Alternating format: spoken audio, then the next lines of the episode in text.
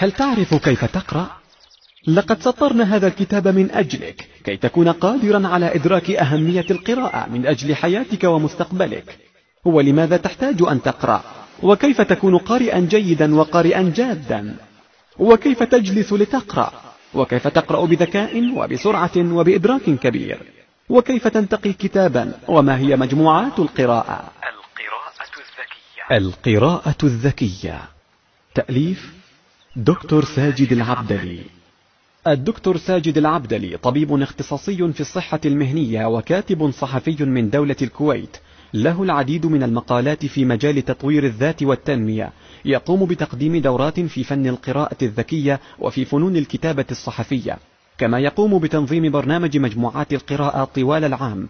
يمكن مراسلته من خلال موقعه على الشبكة على العنوان www.sajid.org أغلب الناس يقرؤون بسرعة 200 إلى 300 كلمة في الدقيقة. لكن سرعة القراءة الجيدة يجب ألا تقل عن معدل 700 كلمة في الدقيقة. وأما من يجيدون القراءة السريعة فهم يقرؤون بمعدلات أسرع من ذلك بكثير. القراءة وحدها هي التي تعطي الإنسان الواحد أكثر من حياة واحدة لأنها تزيد هذه الحياة عمقا وإن كانت لا تطيلها بمقدار الحساب. القراءة الذكية. القراءة الذكية. القراءة الذكية. كيف تقرأ بذكاء؟ بسرعة وبإدراك كبير. تأليف دكتور ساجد العبدلي. دكتور ساجد العبدلي. www.sajid.org بصوت أحمد أحمد. قالوا في القراءة أعز مكان في الدنا سرج سابح وخير جليس في الزمان كتاب. أبو الطيب المتنبي الكتاب هو الجليس الذي لا يطريك والصديق الذي لا يغريك يطيل إمتاعك ويشحذ طباعك. الجاحظ. بعد ثلاثة أيام من الانقطاع عن القراءة سيصبح الكلام بلا نكهة. حكمة صينية قديمة. أنا من بدل بالكتب الصحابا لم أجد لي وافيا إلا الكتابا صاحب إن عبته أو لم تعب ليس بالواجد للصاحب عابا كلما أخلقته جددني وكساني من حلى الفضل ثيابا. صحبة لم أشك منها ريبة ووداد لم يكلفني عتابا. أحمد شوقي. المقدمة. لا أظنه يخفى على أحد منكم وضع الكتاب وحالة القراءة عموما في عالمنا العربي في زماننا الحالي. فالوضع سيء بل ربما سيء جدا. أقول هذا وأنا أدرك الطغيان الكبير لوسائل المعلومات الأخرى من فضائيات وإنترنت وغيرها وأدرك مدى سهولة وصول المعلومة التي توفرها هذه الوسائل بالمقارنة مع الكتاب. لكن وحتى أكون منصفا فحال القراءة والكتاب تأثرت في العالم الحديث أجمع. إحدى الدراسات الحديثة التي جرت عام 2003 أشارت إلى أن 50% من الجمهور الفرنسي بدأ يعزف عن شراء الكتب ويتجه إلى الإنترنت كمصدر للمعلومات والمتعة. هل تتصورون أن مثل هذا من الممكن أن يحصل في فرنسا؟ بلد النور والثقافة كما يسمونها؟ نعم يحصل. ولذلك فقد أعلن وزير الثقافة الفرنسي حالة الطوارئ القصوى لأنه وجد منسوب القراءة في انخفاض فنزل هو ومعه كبار الكتاب والمؤلفين في الشوارع والحدائق العامة والمراكز الثقافية والمكتبات العامة يقرؤون ويتحدثون مع الناس من حولهم عن القراءة والكتب في مهرجان سموه مهرجان جنون المطالعة. ولنتصور الوضع في العالم العربي. ما من شك بأن الوضع أسوأ بكثير عندنا وأن الفرق شاسع بين عالمنا العربي والغرب في هذا الصدد هل تتصورون أن متوسط القراءة في العالم العربي يوازي ست دقائق في السنة للفرد الواحد؟ ست دقائق فقط؟ هل تصدقون بأن كتابا واحدا فقط يصدر لكل ربع مليون مواطن عربي سنويا؟ بينما في المقابل يصدر كتاب لكل خمسة عشر ألف مواطن في العالم المتقدم هل تتخيلون أن الناشر العربي لا يطبع أكثر من ثلاثة آلاف نسخة من الكتاب الواحد غالبا؟ لأنه يعرف إن طبع أكثر من ذلك فسيعجز عن أن يجد من يشتريها. يذكر تقرير لمنظمة اليونسكو نشر عام 1996 أنه يصدر في مصر ما يقارب من 1650 كتابا سنويا بينما يصدر في بريطانيا ما يناهز 48 ألف كتاب في ذات الفترة. وفي روسيا ما يناهز 82 ألف كتاب وفي الولايات المتحدة الأمريكية ما يقارب 85 ألف كتاب. لكن الكارثة الأكبر أن ما تطبعه دور النشر العربية مجتمعة من المحيط الهادر إلى الخليج الثائر في كل عام لا يوازي النصف ما تطبعه المطابع الإسرائيلية في نفس الفترة. أعتقد أن ما سبق كاف جدا ليدرك القارئ حجم وأبعاد المشكلة في عالمنا العربي. لذلك فمن الطبيعي أنني وعندما قررت أن أكتب كتابا حول القراءة وجدت معارضة للفكرة ممن حولي لأنها وبحسب ما قالوه لي لن تستهوي أحدا ولن تجد لها جمهورا وبالفعل فهذا الكلام منطقي إلى حد كبير فكيف لي أن أقنع أناسا لا تقرأ وربما تفعل ذلك لأنها لا تريد أن تقرأ أصلا بأهمية القراءة بواسطة كتاب. أنا حينها سأكون كمن يطلب من شخص أن يعبر سورا عاليا فيضع له السلم على الجانب الآخر من السور. آخرون قالوا لي بأن الناس بعيدة كل البعد عن القراءة والكتب لأنها مشغولة بالدوران في عجلة الحياة وأن جهودي ستضيع سدى فقلت لهم لكن المتنبي يقول وخير جليس في الزمان كتابه فأجابوني بأن لا أحد جالس في هذا الزمان. الكل واقف وماش وربما يركض. الناس صارت تأكل وهي واقفة وتعمل وهي تمشي بل تعيش وهي تركض. إذا فالمهمة صعبة والطريق محفوفة بالصعاب والنهاية أيضا غير مضمونة. لكن وبالرغم من كل هذه الصعوبات فقد قررت أن أخوض التجربة. وأن أكتب هذه الأوراق. قررت ذلك وأنا أتبع خيطا رفيعا من الأمل. الأمل بأن يقع الكتاب بيد من يجد فيه ما يشحذ همته لتصبح القراءة دأبه الدائم وشغله الشاغل وما يشجعه لدعوة من هم حوله إلى عالم القراءة. هذا العالم السحري البديع الذي لا يعلم ما فيه من الكنوز والفائدة والسعادة كثير من الناس. وكذلك الأمل بأن أساهم بتحريك هذه العجلة التي صدأت أو كادت من قلة الدوران. وهكذا وأنا أتبع خيط الأمل هذا نمت أغصان هذه القراطيس وأورقت حتى صارت الكتاب الذي ترونه الساعة بين أيديكم أو الذي تسمعونه الآن.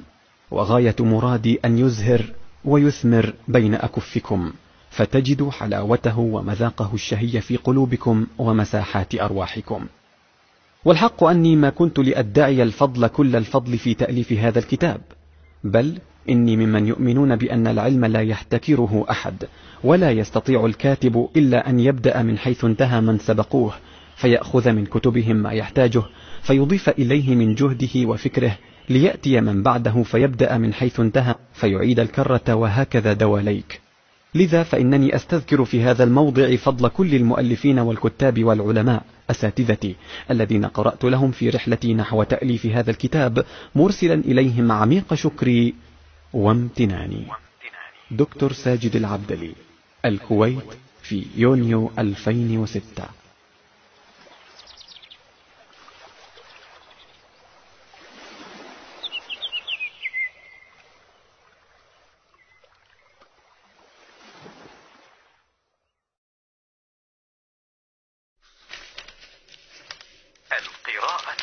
القراءة الذكية.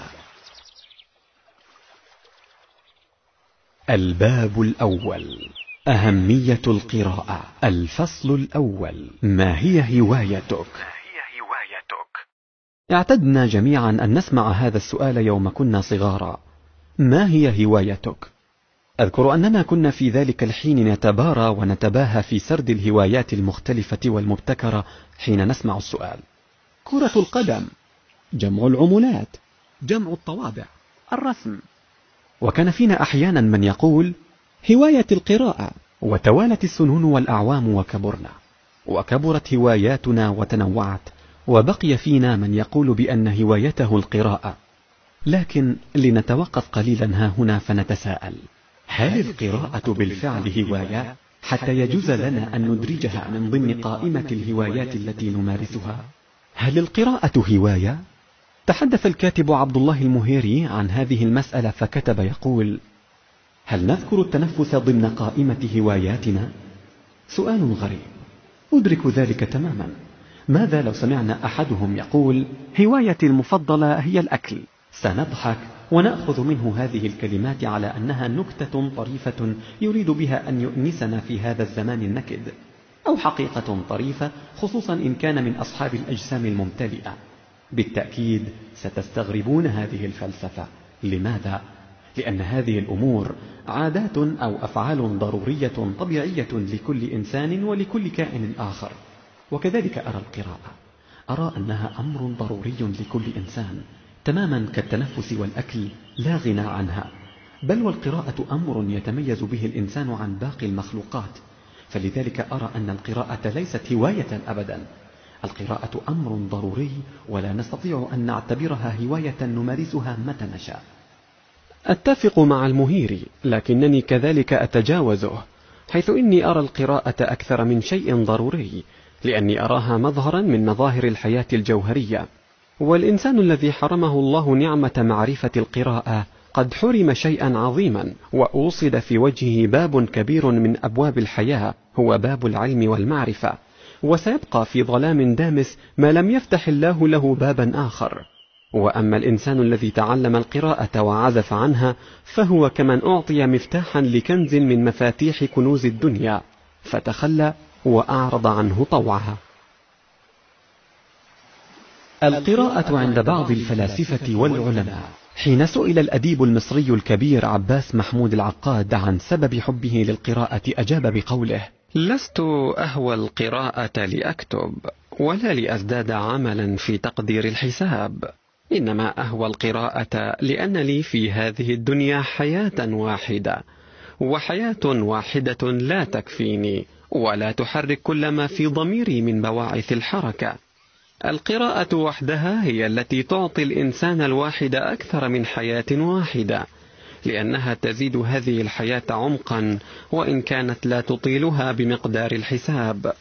فكرتك أنت فكرة واحدة شعورك أنت شعور واحد خيالك أنت خيال فرد واحد إذا قصرته عليك. ولكنك إذا لاقيت بفكرتك فكرة أخرى ولاقيت بشعورك شعورا آخر ولاقيت بخيالك خيال غيرك. فليس قصار الأمر أن الفكرة تصبح فكرتين وأن الشعور يصبح شعورين وأن الخيال يصبح خيالين كلا وإنما تصبح الفكرة بهذا التلاقي مئات الفكر في القوة والعمق والامتداد. وأيضا يروى عن الكاتب الروائي الأمريكي المعاصر ويليام ستايرون كلام مشابه لهذا حيث يقول إن الكتاب الجيد هو ذاك الذي يعطيك العديد من التجارب ولا يجهدك كثيرا في استيعابه. إنه الكتاب الذي يجعلك تعيش أكثر من حياة وأنت تقرأه. نعم إن القراءة هي الحياة. لذلك يقول عالم الطبيعيات الإنجليزي جيلبرت وايت ليس هناك كتب أو أكوام من الأوراق الميتة على الأرفف بل هي عقول حية يخرج من كل منها صوت. عندما تتناول أحد هذه الكتب وتفتحه يمكنك استدعاء مجموعة من أصوات البشر البعيدة في الزمان والفضاء السحيق وتسمع الإنسان يتحدث إلينا عقلا لعقل وقلبا لقلب. ويقول المفكر والروائي الفرنسي المعاصر فيليب سالرز لا يمكن أن نكتب إلا إذا كنا نعرف أن نقرأ. لكن لمعرفة القراءة يجب أن نعرف كيف نعيش. إن القراءة هي فن الحياة الرائع. ويقول الشاعر والناقد الأمريكي عزرا باوند يجب أن نقرأ لنزيد من قوتنا. الإنسان الذي يقرأ هو إنسان مفعم بالحياة والكتاب ما هو إلا وعاء من نور يقبع بين يدي من يقرأ. وكذلك يقول الفلكي والكيميائي الإنجليزي جون هيرشل إن من تيسرت له أسباب القراءة يصير ولا شك سعيدا لأنه يقطف من حدائق العالم. وتتجلى أمام عينيه أحوال الأمم الغابرة ويكون كمن عاش مع أفضل أفرادها وكأنما خلقت الدنيا له. الكتاب ثروة نفيسة. انطلاقا من نفس هذا الفهم العميق لأهمية القراءة الذي نراه في مقولات هؤلاء العظماء فقد كانت للكتب عند علماء المسلمين مكانة عظيمة في زمن من الأزمان مما كان له التأثير الأساس في أن تتصدر أمتهم ركب الحضارة في ذلك الوقت حتى شع نورها على أصقاع الدنيا من مشارقها إلى مغاربها. يحكى أنه قيل لابن المبارك يا أبا عبد الرحمن لو خرجت فجلست مع أصحابك. قال إني إذا كنت في المنزل جالست أصحاب محمد صلى الله عليه وسلم يعني القراءة. وقال شفيق بن إبراهيم البلخي قلنا لابن المبارك إذا صليت معنا لم لا تجلس معنا؟ قال أذهب فأجلس مع التابعين والصحابة. قلنا فأين التابعون والصحابة؟ قال أذهب فأنظر في علمي فأدرك آثارهم وأعمالهم. ما أصنع معكم؟ أنتم تجلسون تغتابون الناس. وكان الإمام ابن شهاب الزهري قد جمع من الكتب الشيء الكثير وكان يلازمها ملازمة شديدة حتى إن زوجته قالت والله إن هذه الكتب أشد علي من ثلاث ضرائر. وروي عن الحسن اللؤلؤي أنه قال لقد غبرت لي أربعون عاما ما قمت ولا نمت إلا والكتاب على صدري. وأما الجاحظ شهيد الكتب. الذي وقعت عليه مكتبته فقتلته فإنه كان إذا وقع في يده كتاب قرأه من أوله إلى آخره أي كتاب كان هذه أمثلة قليلة من عشرات الأمثلة لما كان عليه علماء العرب والمسلمين من تعلق وشغف واهتمام بالقراءة فأين نحن منهم الآن يا ترى؟ يقول بوريس فريدريك سكينر عالم النفس والكاتب الأمريكي الشهير يجب علينا قبل أن نوجه الناس إلى قراءة الكتب العظيمة أن نعلمهم حب القراءة. يا سيداتي ويا سادتي إن القراءة هي الحياة والقراءة السليمة هي فن الحياة. فلنتعلم ولنقرأ لنجيد فن الحياة.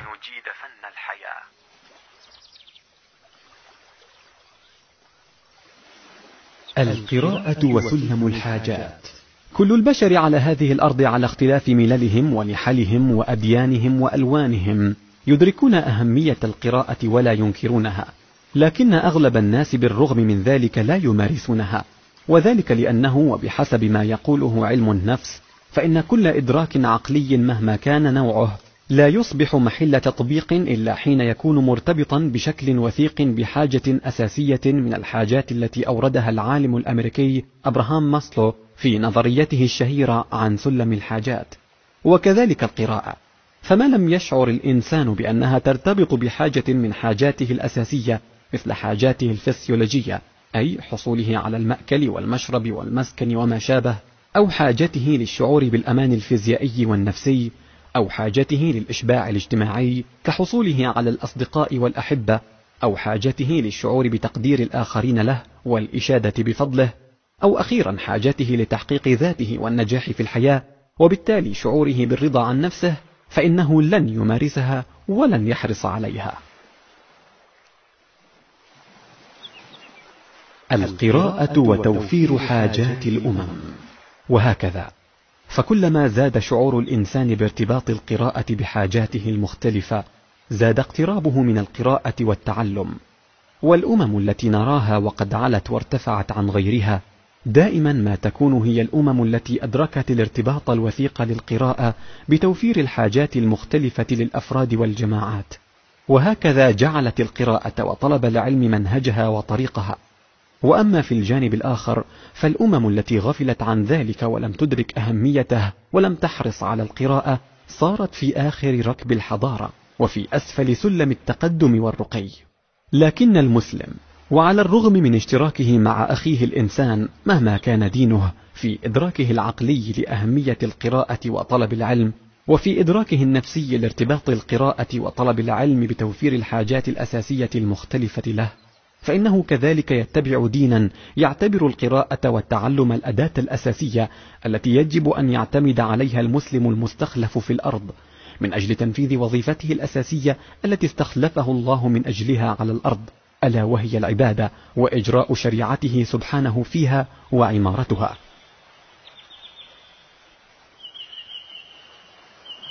الإسلام يخاطب أتباعه بإقرأ. في كتابه الذي جعل عنوانه اقرأ وربك الأكرم يقول المفكر الإسلامي المعاصر جودة سعيد كون اقرأ أول كلمة في آخر رسالة إشارة إلى عهد جديد في النبوة. وفي أسلوب جديد في التلقي عن الله. إنها آيات الله في الآفاق والأنفس التي ستظهر للناس الحق. وهذه الآيات إنما تحفظ دلالاتها بالعلم والقراءة فبالقراءة يحصل الإنسان علم الأولين جميعا وبالقراءة يرقى الإنسان الدرجات العلى.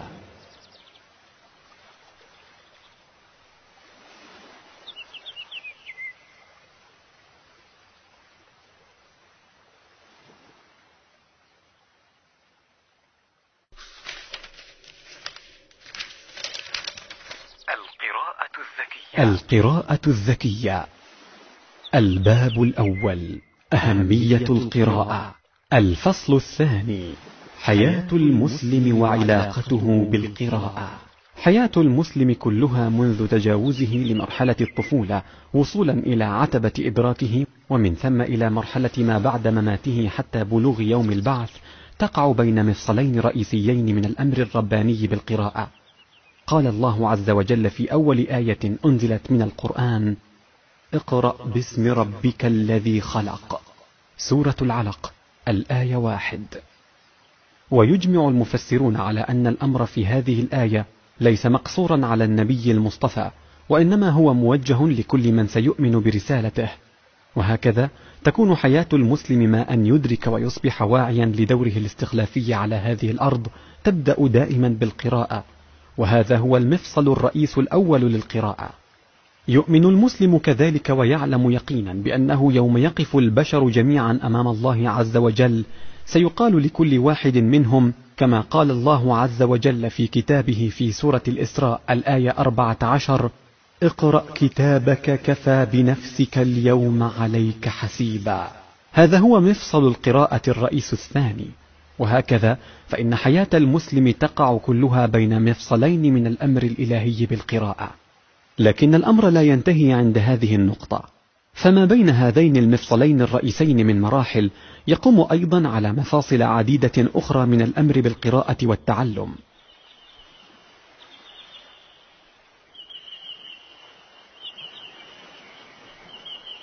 قراءة تاريخ الأمم السابقة.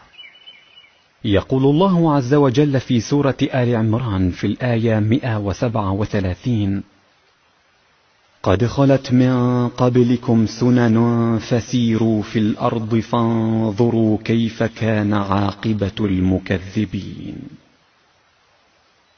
ويقول سبحانه كذلك في سورة الأنعام في الآية أحد عشر قل سيروا في الأرض ثم انظروا كيف كان عاقبة المكذبين. ويقول في سورة يوسف في الآية 109 أفلم يسيروا في الأرض فينظروا كيف كان عاقبة الذين من قبلهم. ويقول في سورة الحج في الآية 46 أفلم يسيروا في الأرض فتكون لهم قلوب يعقلون بها أو آذان يسمعون بها. ويقول في سورة العنكبوت في الآية عشرين قل سيروا في الأرض فانظروا كيف بدأ الخلق. وغيرها كثير من الآيات التي تحض على السير في الأرض للنظر في أحوال الأمم. وكيف بدأ الخلق والنظر والتفكر بمظاهر قدرة الله تعالى ودلائله المتمثلة في عجائب ومعجزات مخلوقاته. يقول المفسرون تعليقا على هذه الآيات الكريمة بأن السير في هذه الحالات لا يكون مقصورا على فعل السير حسيا فليست كل الأمم الغابرة التي أبادها الله قد تركت آثارا تدل على وجودها في يوم من الأيام وأيضا ليس كل البشر في قدرة على الترحال في جنبات الأرض للنظر فيما أمرهم الله به. لذلك يكفي المسلمين السير معنويا أي من خلال طلب العلم والمعرفة عن هذه الأمور وليس من وسيلة عظمى لطلب العلم كالقراءة. الإسلام ينهي عهد الأمية. يقول المفكر جودة سعيد في موضع آخر من كتابه اقرأ وربك الأكرم. إن أهمية القراءة تبدو في معجزة النبي الأمي. فكون خاتم النبيين أميا إشارة إلى أن أحدا من الناس بعد خاتم النبيين لن يكون مصلحا وهاديا في الناس بدون قراءة. وبخاتم النبيين النبي الأمي محمد صلى الله عليه وسلم ختم عهد الأمية وفتح عهد القراءة في الحياة البشرية. هذه الإشارة تتوافق مع واقع ومسار التاريخ الذي أعقب عهد النبوة وصدر الإسلام. فقد ارتفع شأن الدولة الإسلامية وعز مقامها واتسعت رقعتها حتى صارت أرفع الحضارات شأنا ومقاما بالعلم والحضارة والتقدم. قال ابن القيم رحمه الله في تعليقه على قول الله تعالى وقل رب زدني علما كفى شرفا بهذا للعلم أن أمر نبيه أن يسأله المزيد منه. وهذا القول الرائع المبني على فهم وحكمة بالغة يدل على الإدراك العميق الذي كان عند علماء الإسلام لشرف العلم وأهميته وارتباطه الوثيق بنبوة محمد صلى الله عليه وسلم وبحياة المسلمين من بعده ودورهم المفترض في هذه الأرض.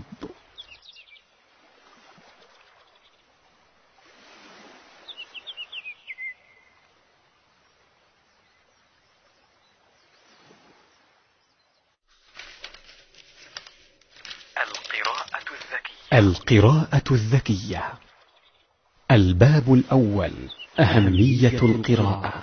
الفصل الثالث دلائل الكرم الإلهي للأمم القارئة قد يحق للمرء أن يتساءل عندما يقرأ الآية التي جاءت في سورة العلق اقرأ وربك الأكرم فيقول لماذا جاءت لفظة الأكرم؟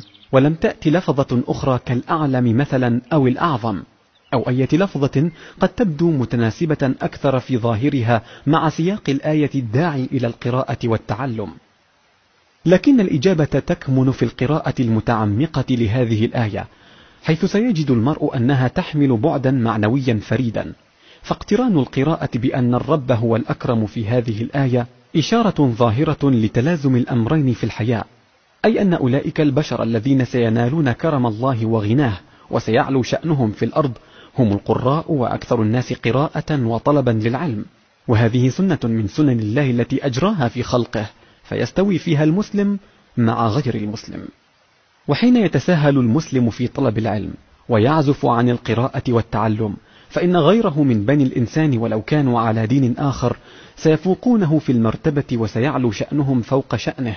والسبب في ذلك أن المسلم وحين يعزف عن القراءة والتعلم يكون قد أساء الفهم لمقتضيات دينه الذي يأمره بطلب العلم دائما لأنه لم يحرص على امتلاك ما يؤهله للقيام بمتطلبات هذا الدين وبذلك يكون كمن تعلق بالقشور وترك اللباب.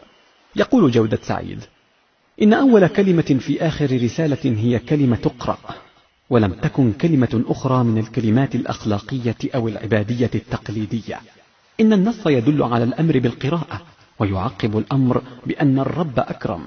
فصار هنا اجتماع بين القراءة وكرم الرب أي أن القراءة وكرم الرب اقترنا في مكان واحد.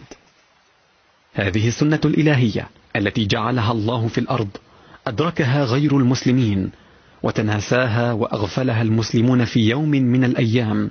فكانت بداية النهاية للحقبة الزاهرة الماضية من عمر الحضارة الإسلامية. القراءة مفتاح الحضارة. حين سئل فولتير الفيلسوف الفرنسي الشهير عمن سيقود الجنس البشري أجاب الذين يعرفون كيف يقرؤون. أما الرئيس الأمريكي الثالث جيفرسون فقد قال عبارة شهيرة صارت مثلا يردد إن الذين يقرؤون هم فقط الأحرار لأن القراءة تطرد الجهل والخرافة. ومونتسكيو المفكر الفرنسي الشهير صاحب نظرية فصل السلطات فيقول كي تعرف قليلا عليك أن تقرأ كثيرا. وسقراط الفيلسوف الإغريقي فيحكي أنه سئل مرة كيف تحكم على إنسان فأجاب أسأله كم كتابا يقرأ. وبالطبع فإن القراءة التي قصدها هذا الفيلسوف هي تلك القراءة المعرفية التي تنطلق بآفاق صاحبها وتنير له عقله فتوسع مداركه. هذا الفهم والربط الدائم ما بين القراءة والحضارة أمر ثابت أدركه المفكرون والعلماء منذ زمن بعيد. يقول المؤرخ البريطاني أرنولد جوزيف توينبي المتوفى عام 1975 إن ارتفاع نسبة قراء الكلمة المطبوعة هو الأساس الحضاري لتصنيف البلدان في العالم إلى دول متخلفة أو نامية أو متقدمة. وكذلك لو نظرنا في تاريخ الأمم القديم والحديث لوجدناه يؤكد هذه السنة الإلهية ولا يحيد عنها أبدا والأمثلة على ذلك كثيرة. الحضارة اليونانية. لننظر مثلا إلى حضارة اليونان الإغريق وسنجد أنها كانت أعظم الحضارات علما في وقتها ولا يزال نتاجها الفكري والفلسفي والأدبي باقيا إلى يومنا الحاضر شاهدا على ذلك. وقد أكرم الله هذه الحضارة في وقتها بالتمكين في الأرض ردحا من الزمن حتى اتسعت رقعة دولتها من الهند إلى مصر في وقت من الأوقات. الحضارة الإسلامية. ولننظر كذلك إلى الحضارة الإسلامية.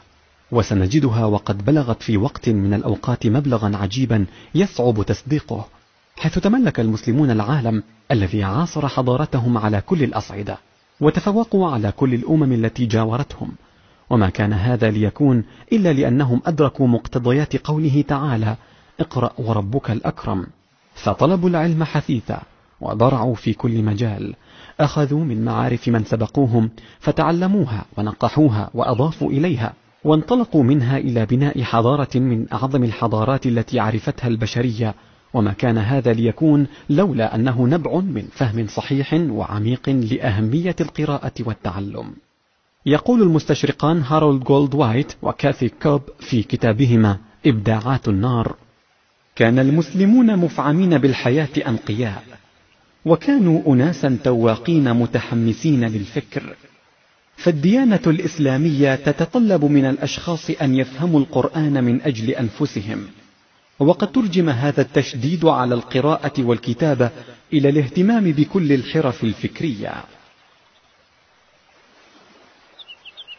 الحضارة اليابانية.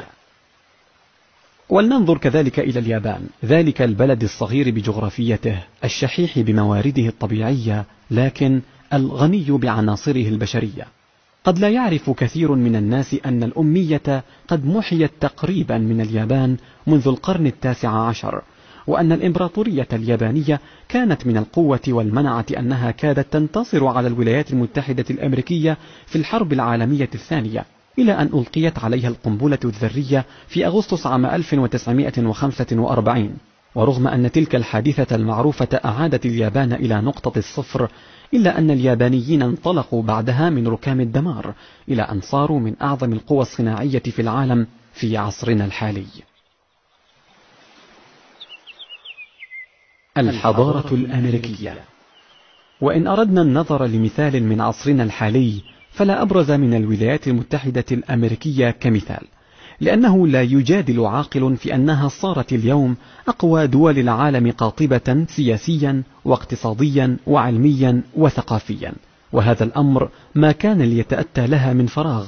فالتفوق العلمي والمعرفي في الولايات المتحدة الأمريكية والذي بلغ مستويات خارقة هو الذي انعكس على شتى أصعدة الحياة المادية فيها وبالأخص على صعيد قوتها السياسية. حتى وصلت إلى ما وصلت إليه اليوم بعدما انهار الاتحاد السوفيتي في أغسطس عام 1991 وتفرقت أجزاؤه إلى جمهوريات متفرقة. القراءة غذاء العبقرية. هذا التداول الأممي في امتلاك ناصية التفوق الحضاري في الأرض هو مصداق لقول الله تبارك وتعالى في سورة آل عمران. في الآية 140 وتلك الأيام نداولها بين الناس. وعلى المسلم أن يدرك هذا الأمر إدراكا عميقا وأن يدرك كذلك بأن التفوق الذي حازته الأمم في القديم والحديث لم يكن راجعا لعبقرية خصهم الله بها أو تفوق عقلي امتازوا به عن غيرهم من الأمم بل كان راجعا إلى الجد والاجتهاد والعمل الدؤوب. فالعبقرية إذا لم تتغذى بغذاء القراءة والعلم فمآلها أن تجف وتذبل وفي النهاية تموت. يقول المخترع الغربي توماس أديسون والذي طور المصباح الكهربائي إلى شكله الذي غير وجه الحياة على هذه الأرض حين سئل عن عبقريته إنها واحد في المئة إلهام وتسعة وتسعون في المئة عرق جبين وتعب. وهذا القول يصدقه عمله على أرض الواقع فيحكي أنه حاول آلاف المرات لكي يصل إلى تطوير المصباح الكهربائي حتى نجحت إحدى محاولاته وأثمرت وحين سألوه عن إخفاقاته العديدة وكيف أنها لم تثنه عن الاستمرار في المحاولة قال لم أكن أنظر إلى تلك المحاولات على أنها إخفاقات وإنما كنت أقول لنفسي دائما وكلما حاولت مرة ولم أصل إلى ما أريد بأنني ألغيت إحدى المحاولات التي لا توصلني إلى ما أريد. وهكذا سيبقى لي محاولات أقل أجربها حتى أصل. حال أمتنا اليوم. توجد في الكويت مكتبة عامة واحدة لكل ثلاثين ألف نسمة بحسب ما نشرته صحيفة الرأي العام في السابع والعشرين من فبراير عام 2003 يشير تقرير التنمية الإنسانية العربية للعام 2002 والذي يصدره برنامج الأمم المتحدة الإنمائي إلى أن معدل الأمية في العالم العربي هو الأعلى في العالم أجمع حيث يصل إلى 43% من إجمالي السكان وذلك في منتصف التسعينيات من القرن الماضي. يشير التقرير السابق إلى أن الأمية تنتشر بين الإناث في العالم العربي بشكل كبير جدا حيث تصل إلى أكثر من 55% يذكر التقرير أنه بلغ مجموع الكتب المترجمة إلى العربية منذ عصر المأمون وحتى الآن نحو مئة ألف كتاب وهو يوازي تقريبا ما تترجمه إسبانيا في عام واحد. تشير بعض المصادر إلى أن متوسط ما يطبع من معظم الكتب في البلاد العربية لا يتجاوز ثلاثة آلاف نسخة للكتاب الواحد وهذا العدد لا ينفد في الغالب في أقل من ثلاث سنوات. متوسط القراءة في العالم العربي قلب العالم الإسلامي ست دقائق في السنة بينما متوسط القراءة في إحدى الدول الأوروبية مئتا ساعة في السنة. يصدر كتاب لكل ربع مليون مواطن عربي بينما يصدر كتاب لكل خمسة عشر ألف مواطن في العالم المتقدم. ما تطبعه كل دور النشر العربية أقل من نصف ما تطبعه إسرائيل في نفس الفترة. لذلك فإن مثل تلك العزيمة والإصرار ومعرفة الهدف التي اتسم بها العالم توماس إديسون هي ما يحتاجه المسلم اليوم. يجب ألا ييأس مهما تراءت له صعوبة أن تقوم لحضارة الإسلام قائمة من جديد. يقول الله عز وجل في سورة الأنفال في الآية 53 ذلك بأن الله لم يك مغيرا نعمة أنعمها على قوم حتى يغيروا ما بأنفسهم. وهذا ما حصل لحضارة الإسلام. فحين تغير المسلمون وحادوا عن المنهج الرباني القويم انهارت حضارتهم وصارت في أسفل سلم الحضارات.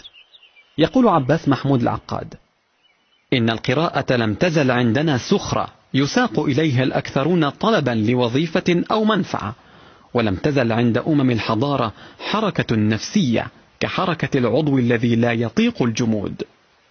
ولا أمل للمسلمين اليوم في استعادة ما كان لهم من شأن عظيم إلا بتغيير أنفسهم من خلال العودة الحقيقية إلى العلم والقراءة وإلى وضع مقتضيات شريعتهم موضع التطبيق وإشاعة الحكم العادل في بلاد المسلمين وجمع كلمة الناس على الحق.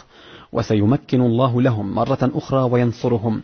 فسنن الله لا تتغير. وكما قال شيخ الإسلام ابن تيمية إن الله ينصر الأمم العادلة ولو كانت كافرة ويهزم الأمم الظالمة ولو كانت مسلمة. وليس أشد ظلما من ظلم العباد وإشاعة الفساد في البلاد والحيدة عن طريق الرشد والهدى. ولا وصول لهذه الطريق إلا بالعلم والقراءة في كتب وعلوم الدين والدنيا.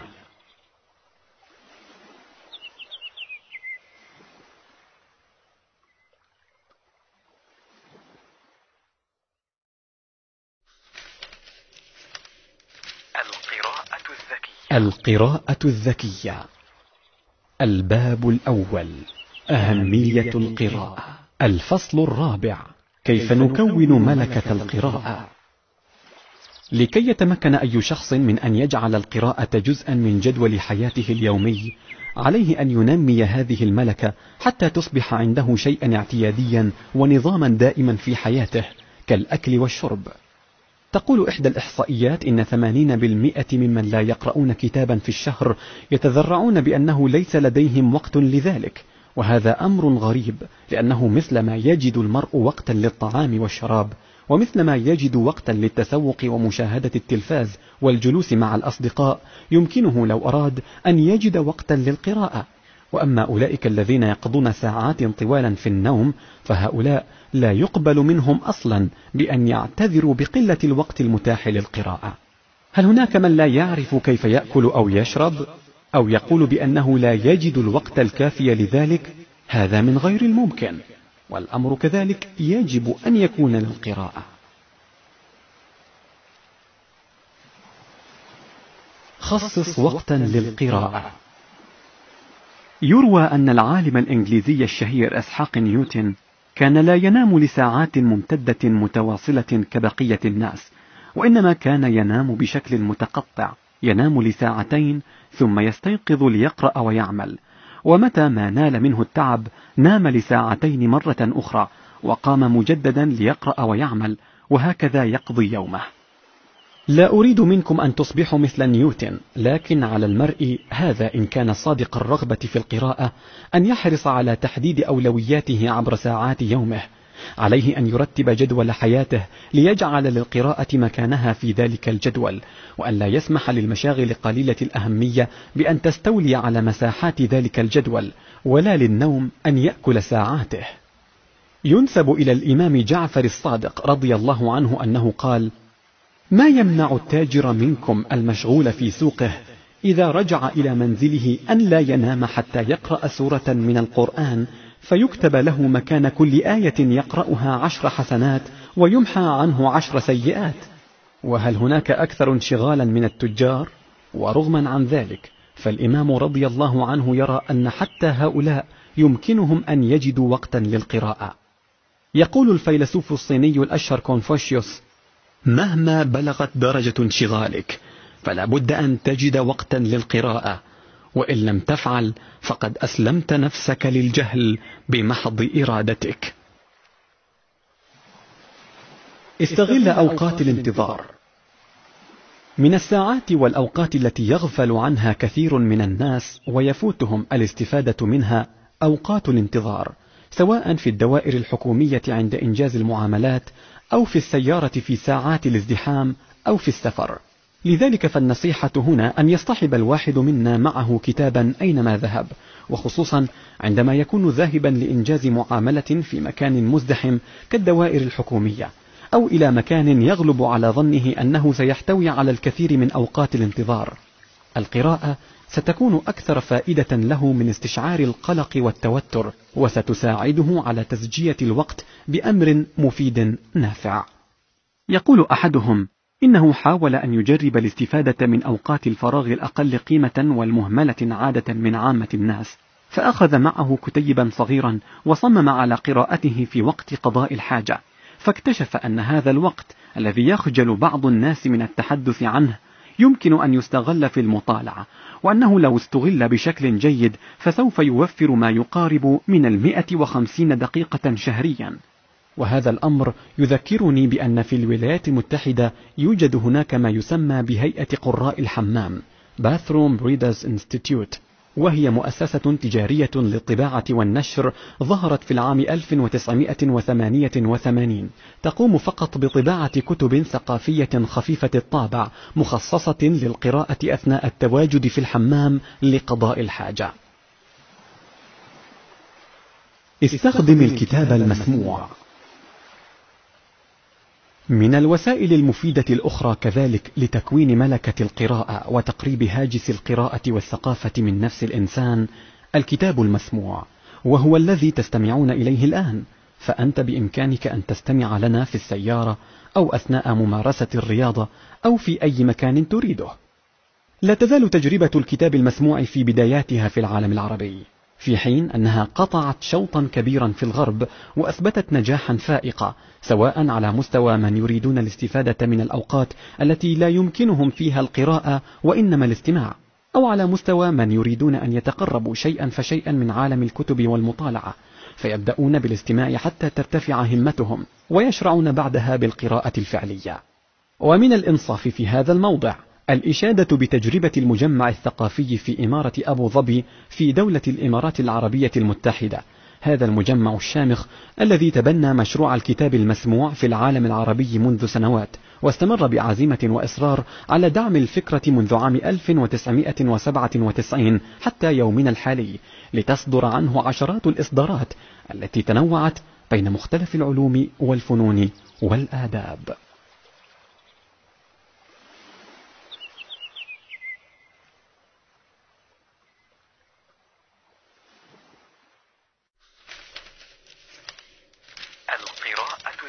القراءة الذكية الباب الأول أهمية القراءة الفصل الخامس فن القراءة.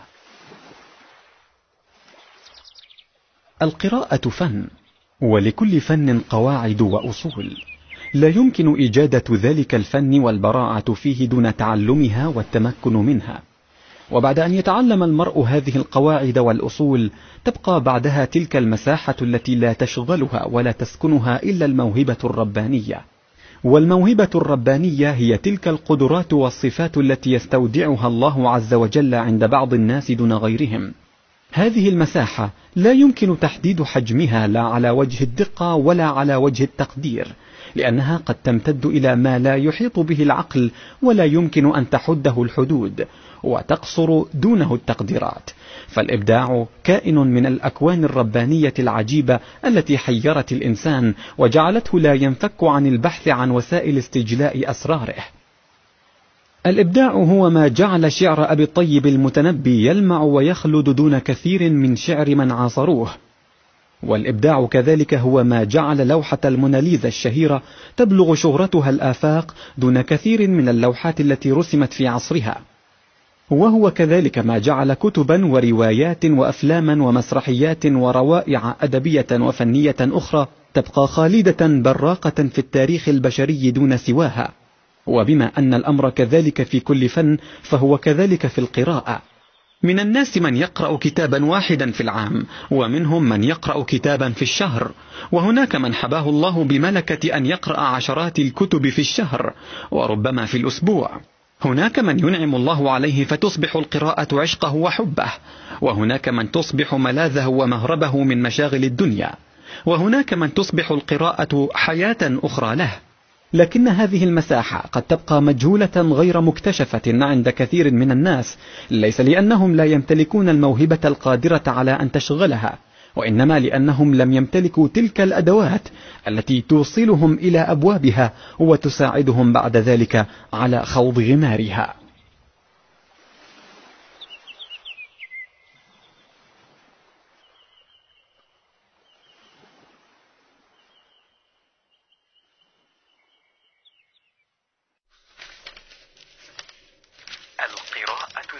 القراءة الذكية. الباب الثاني. فن القراءة. الفصل الأول. خماسية فن القراءة. خماسية فن القراءة هي تلك الأدوات الخمسة التي لا يمكن أن يجيد الإنسان فن القراءة دونها. ولقد جعلتها على هيئة أسئلة خمسة. لا بد للمرء أن يجيب عليها وأن يعرف إجاباتها ويحفظها عن ظهر قلب ليطبقها بعد ذلك بشكل دائم حتى تنطبع في قرارة نفسه لتصبح طبيعته الثابتة وعادته الراسخة. السؤال الأول. ماذا أقرأ؟ قد يبدو هذا السؤال غريبا شيئا ما. وذلك لأن البعض قد يرونه أسهل من أن يسأل وربما أسخف. لكنني رغم ذلك قد جعلته السؤال الأول والأداة الأولى في خماسية فن القراءة. ودافعي لهذا هو أنني مع الوقت ومع مشاهدات متعمقة لمسلك من حولي في تعاملهم مع القراءة وجدت أن الكثيرين منهم لا يقرؤون لأنهم وبكل بساطة يجهلون ماذا يقرؤون. أو لأنهم حاولوا أن يقرأوا ما لم يصح لهم أن يقرأوا فعجزوا عن إكماله فاعتقدوا بعدها بأنهم ليسوا من أولئك الذين حباهم الله حب القراءة فعزفوا عن الأمر كله ونما في دواخلهم حاجز كبير صار يصدهم ويمنعهم من الاقتراب من باب أي كتاب بعد ذلك لذلك سأكرر السؤال مرة أخرى ماذا أقرأ؟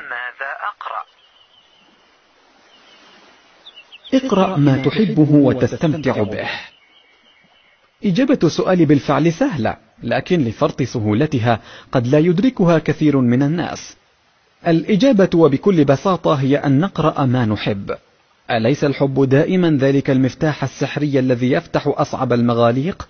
إذا فهو أيضا مفتاح سحري يفتح الإنسان به الباب المغلق بينه وبين القراءة.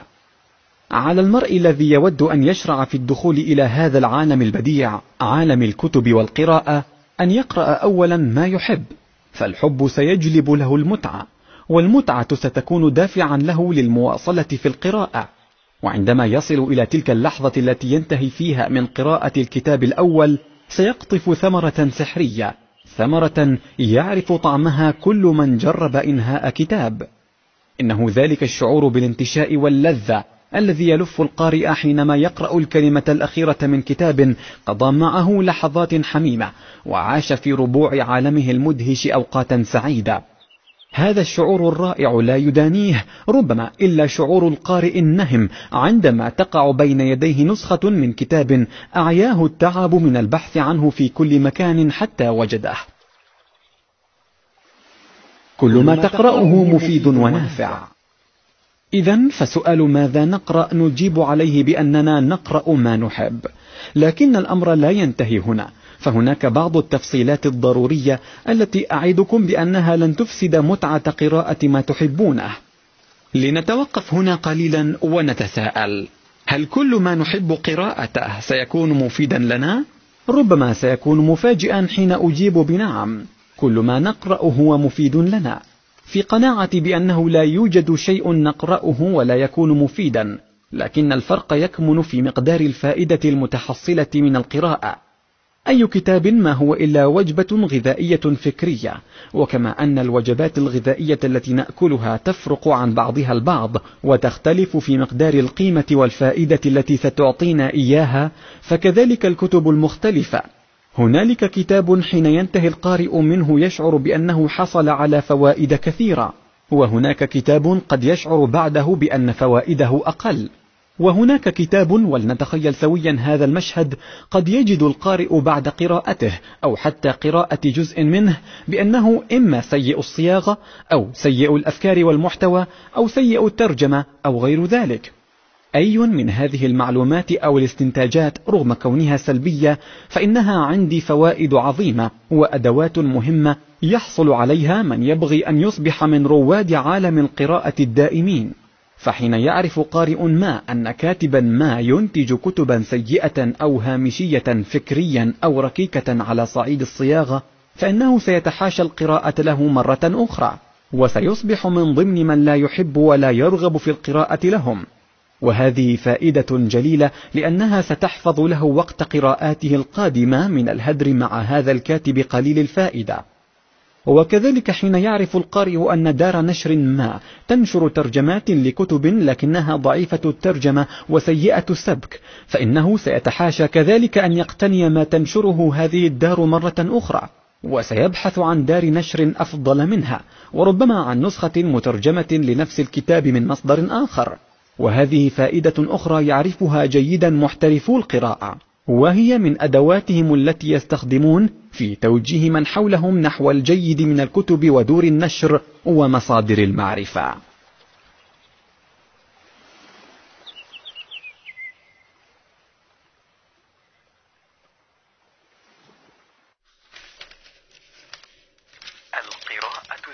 القراءة الذكية. الباب الثاني فن القراءة. الفصل الثاني الحرية في القراءة والرقابة على الكتاب. هناك أمر آخر أجد من اللازم أن أتناوله. طالما أنني جعلت إجابة سؤال ماذا نقرأ هي أن نقرأ ما نحب. هذا الأمر هو مسألة الحرية. هل نحن أحرار في قراءة ما نريد ونحب؟ الإجابة هذه المرة ليست ببساطة السؤال السابق. هناك من يجيب على هذا السؤال بالنفي القاطع ويعتقد بأن الناس ليسوا أحرارا في اختيار ما يقرؤون. وفي كثير إن لم يكن كل بلدان العالم الثالث توجد جهات رسمية مختصة بمراقبة المطبوعات يناط بها مهمة مراقبة ومتابعة وإجازة أو منع نشر أو السماح بإدخال الكتب والمطبوعات المختلفة. وتتعدد الذرائع والأسباب التي تستند إليها هذه الجهات لتبريرها لوجودها وكذلك لمنع نشر أو استيراد هذه المطبوعة أو تلك أو هذا الكتاب أو ذاك. لكن تبقى الحقيقة أن الحكومات والأنظمة المستبدة لا تنظر بعين الرضا إلى الأشخاص المتعلمين والمثقفين من شعوبها لأن هؤلاء هم مكمن الخطر على استمرارها وبقائها. ذلك أن من يعرف القراءة بكل متطلباتها من وعي وإدراك سيمتلك القدرة إن آجلا أو عاجلا على التغيير. لذلك تفضل هذه الأنظمة والحكومات لو أن كل الناس من البسطاء وقليلي العلم والأميين. يقول الكاتب الأرجنتيني المعاصر ألبرتو مانغويل في كتابه الرائع تاريخ القراءة. إن الحكام الدكتاتوريين يخافون الكتب أكثر من أي اختراع بشري آخر على الإطلاق. ولذا نرى أن القوة المطلقة لا تسمح إلا بنوع واحد من القراء أي النوع الرسمي. وبدل المكتبات الكاملة المملوءة بالآراء المتنازعة لا يراد الإبقاء إلا على كلمة الحاكم بأمره. لكن الحقيقة التي تأبى هذه الأنظمة والحكومات أن تدركها هي أن وسائل المنع والرقابة هذه صارت قليلة الفاعلية بل وستصير منعدمة الفاعلية تماما في المنظور القريب. وذلك لأننا نعيش في عصر شبكة الإنترنت هذا العصر المعلوماتي الذهبي الذي ألغى الحدود الجغرافية وتجاوز الحدود السياسية وجعل انتقال المعلومة من أقصى الأرض إلى أقصاها يتم في لمح البصر. كما أن تسارع التطورات في مجال التقنيات الحديثة للنقل المعلوماتي بشكل لا يمكن التنبؤ بمداه وحدوده يجعلني متأكدا بأنه مهما حاول الإنسان أن يراقب ويضبط ويمارس دورا مركزيا لمتابعة الفكر المكتوب والمنشور والمبثوث فإنه سيفشل ويعجز لا محالة. انتشار الكتب الإلكترونية.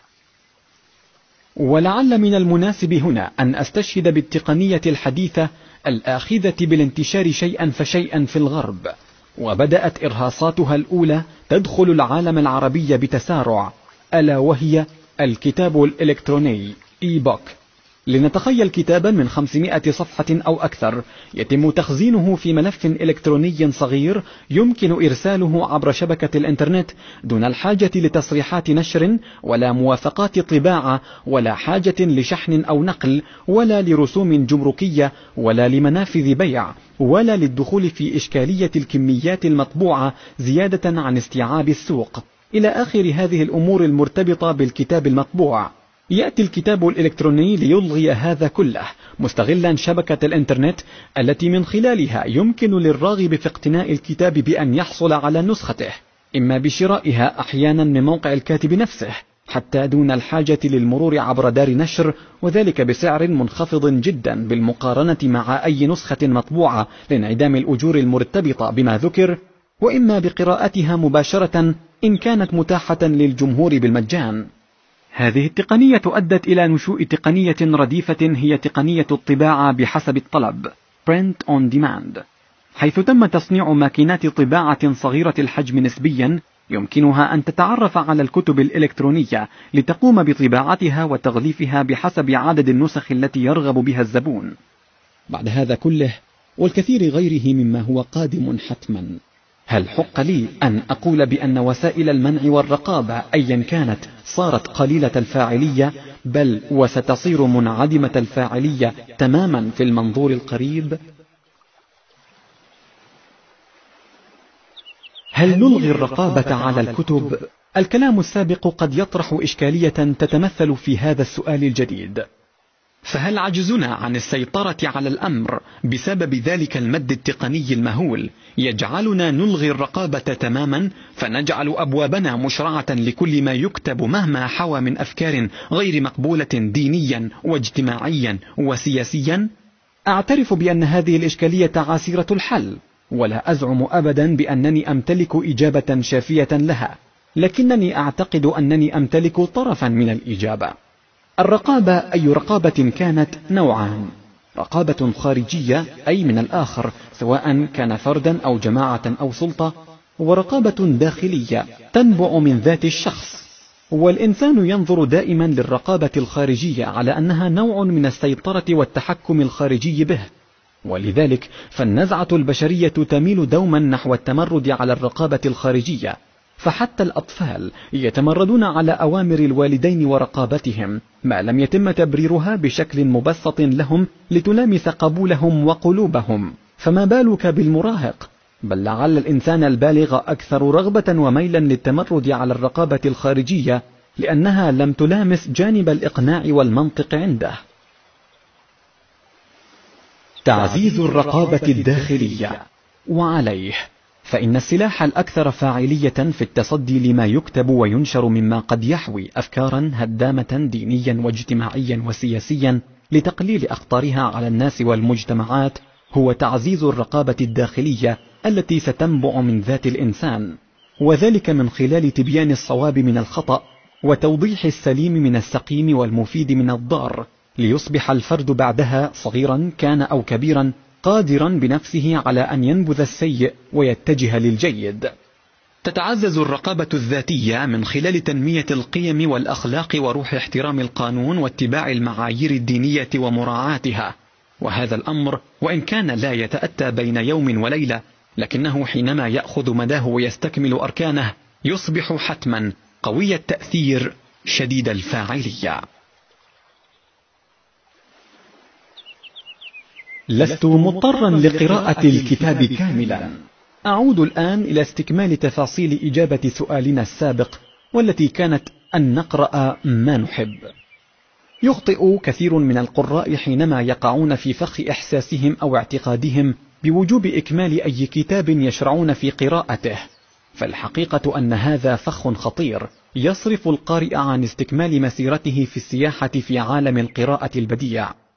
يقول لي أحد الأشخاص بأنه شرع في قراءة كتاب منذ سنوات عدة ولا يزال لم ينهه لأن الكتاب عسير وثقيل. لكنه يردف قائلا بأنه رغم ذلك مصمم على إنهاء هذا الكتاب طال الزمان به أو قصر.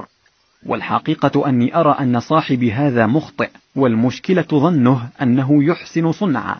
وذلك لأن هذا الوقت الذي أهدره في مصارحة كتاب لا يحبه كان بإمكانه أن يصرفه لقراءة كتب عديدة أقرب لنفسه ولفهمه واستيعابه. قراءة الكتاب ليست غاية في ذاتها، وإنما الغاية هي الوصول إلى تحصيل الفائدة والمعرفة الكامنة فيه. قراءة الكتاب ليست مهمة أو عملا لا بد من إنجازه بأي شكل من الأشكال، وإنما هي رحلة وسياحة في عالم الفكر لأجل الاستمتاع والحصول على الفائدة. فإن وجد الإنسان بأنها لن تصل به إلى هذه النتيجة فعليه أن يقطعها ويتجه إلى رحلة أخرى عله يجد بغيته. يقول الشاعر والناقد الإيرلندي أوسكار وايلد إذا وجدت أنك لا تستمتع بقراءة نفس الكتاب مرة بعد مرة فاعلم بأنه لا داعي لأن تقرأه على الإطلاق. الأداة اللازمة الثانية في خماسية فن القراءة تتمثل في السؤال الثاني لماذا أقرأ؟ لماذا أقرأ؟ ومرة أخرى قد يبدو السؤال سهلا وربما سخيفا للغاية ومرة أخرى أقول بأن هذا ليس صحيحا تماما فكثير من الناس يجهلون أو يخلطون ما بين أهدافهم من قراءة كتاب وآخر وبالتالي يتيهون عن الأسلوب الصحيح لقراءة الكتاب الذي بين أيديهم فتراهم إما يقرؤونه بسطحية وعجالة وإما يتعمقون به بشكل مبالغ فيه.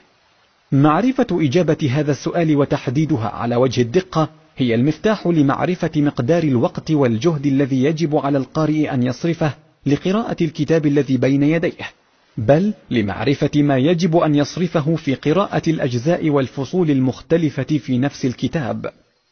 كثير من القراء كذلك يقعون في فخ آخر يتمثل في اعتقادهم بوجوب قراءة كل ما هو مطبوع بين دفتي الكتاب الذي بين أيديهم بينما يكون الأمر غير ذلك تماما في أحيان كثيرة.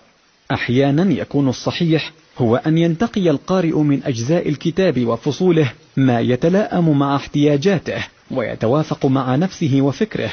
معرفة أي الأساليب الأصح للاتباع رهين بمعرفة الهدف من القراءة وذلك بإجابة سؤال لماذا أقرأ؟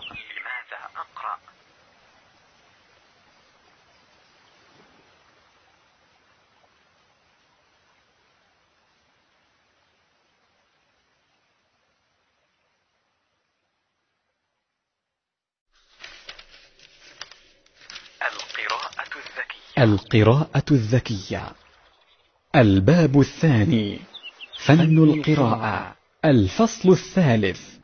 الأهداف الرئيسة للقراءة. إن نحن أردنا أن نحصر أهداف القراءة المختلفة عند الناس سنجد أنها تتلخص في سبعة أهداف رئيسة. الهدف الأول هو الرغبة في الاستمتاع والحصول على الثقافة العامة وكذلك الحصول على الراحة النفسية كقراءة المجلات والروايات وما شابهها. تشير بعض الدراسات إلى أن سبعين في المئة من الناس تتجه للقراءة لأجل هذا الهدف بصورة أساسية. الهدف الثاني.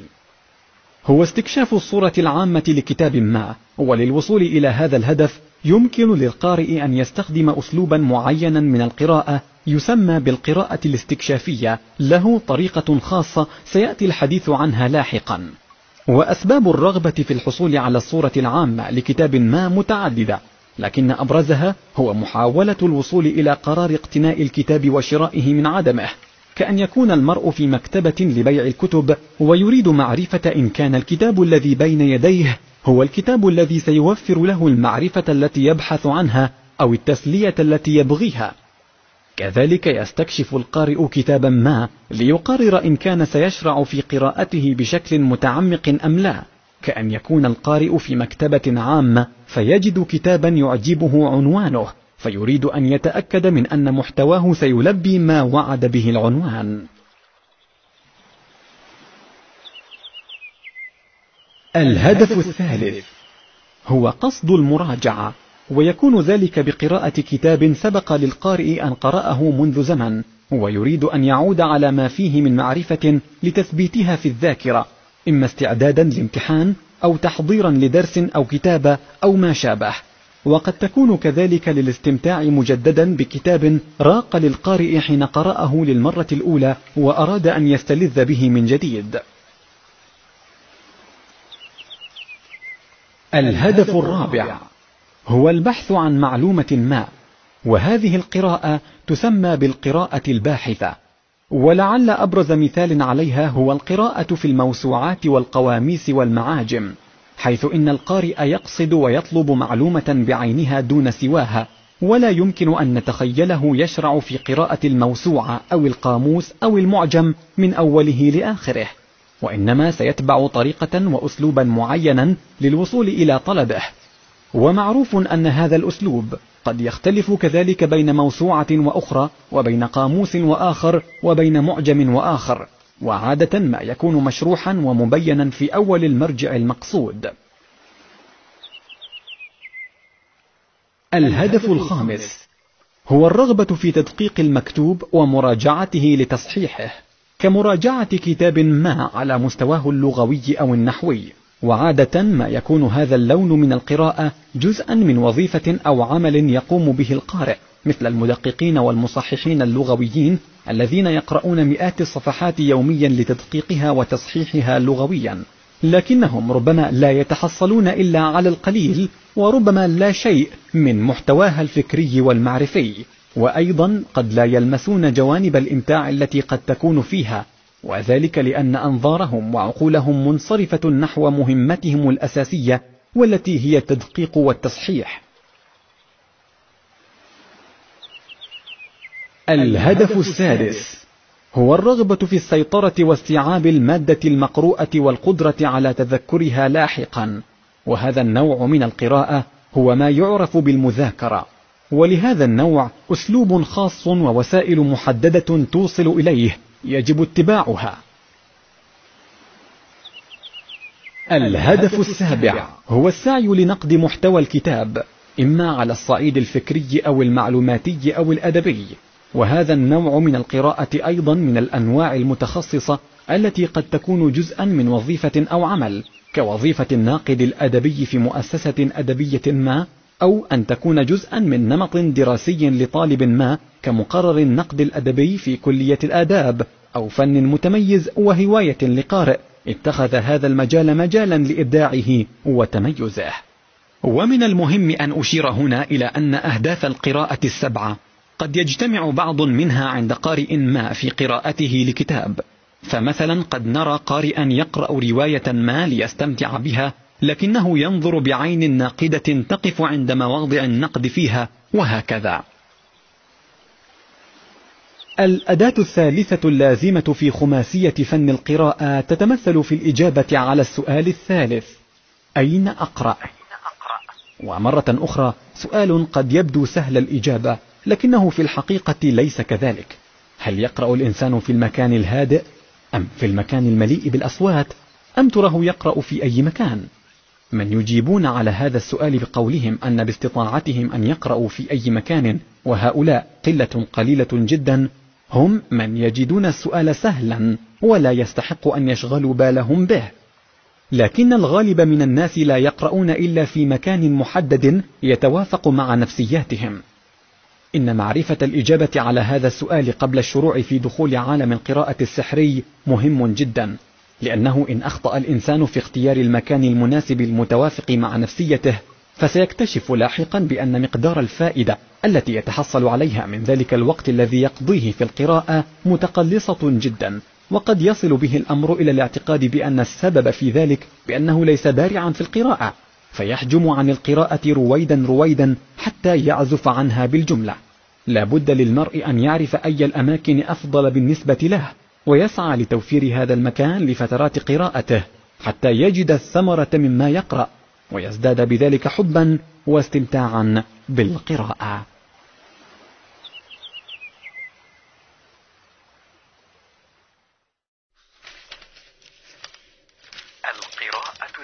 القراءة الذكية.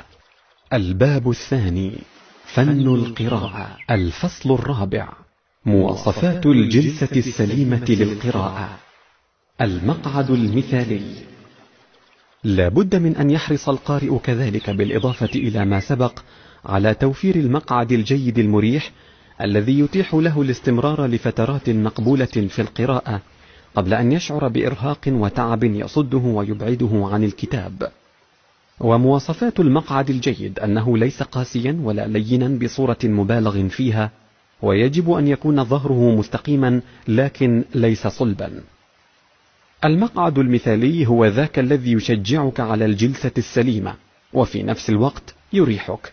والوضع المثالي للجلوس يتضمن أن تكون القدمان ملامستين للأرض أو لمسند القدمين بالكامل وأن يكون الظهر مستقيما ليسمح باستطالة العضلات وسهولة تدفق الدم فيها. الوضعية والمكان المريحان. كذلك يجب أن يحرص القارئ على أن تكون المسافة بين العين والمادة المقروءة في حدود الخمسين سنتيمترا. وهي المسافة الطبيعية التي ستنشأ إذا اتخذ القارئ الجلسة التي ذكرناها قبل قليل. ويجب كذلك أن يحرص على مكان جيد التهوية مناسب الحرارة جيد الإضاءة حتى لا تكون هذه العوامل كلها عوامل صد وطرد تبعده عن القراءة. ومن المهم كذلك ألا يتجاهل القارئ أخذ فترات راحة مناسبة بين وجبات القراءة ليستعيد بها نشاطه ويساعد من خلالها جريان الدم في عضلاته التي حصرها الجلوس خلال وقت القراءة. وكذلك أن يعطي لعينيه فترة من الراحة تنظران خلالها إلى مشهد بعيد مريح كلوحة لمنظر جميل أو عبر نافذة تطل نحو الأفق البعيد. فالعينان تتعبان كما يتعب سائر الجسد من طول فترة القراءة.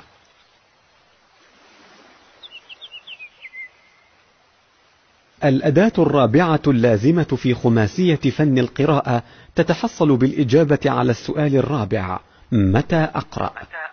ما من شك بأن الإنسان قادر على القيام بفعل القراءة في أي وقت. لكن المقصود هنا هو الوقت الذي يستطيع القارئ خلاله أن يحصل على أفضل ثمرة مما يقرأ. الساعة الذهبية للقراءة. لكل منا ساعة ذهبية للقراءة كما يسميها الدكتور عبد الكريم بكار في كتابه القراءة المثمرة. وفي هذه الساعة الذهبية يجد القارئ أن تحصيله المعرفي والفكري واستمتاعه بما يقرأ يكون في أعلى مستوياته. قد لا تكون الساعة الذهبية ستين دقيقة تماما. قد تطول عن ذلك بكثير وقد تقصر كذلك. لكنها فترة مليئة بالحيوية الذهنية وصفاء النفس. قد تكون في ساعات الصباح الباكر التي ورد أن الرسول صلى الله عليه وسلم دعا ربه أن يبارك فيها لأمته. وقد تكون في منتصف النهار أو قبيل المساء. أو حتى في منتصف الليل عندما يهدأ ضجيج العالم. قد تكون في أي وقت لكن على القارئ في النهاية أن يعرف ساعته الذهبية التي تتوافق مع طبيعته الخاصة والتي يكون فيها تركيزه في أوج نشاطه. ولقد وجد الباحثون أن الإنسان يختلف تركيزه الفكري شدة وضعفا حسب ساعات النهار.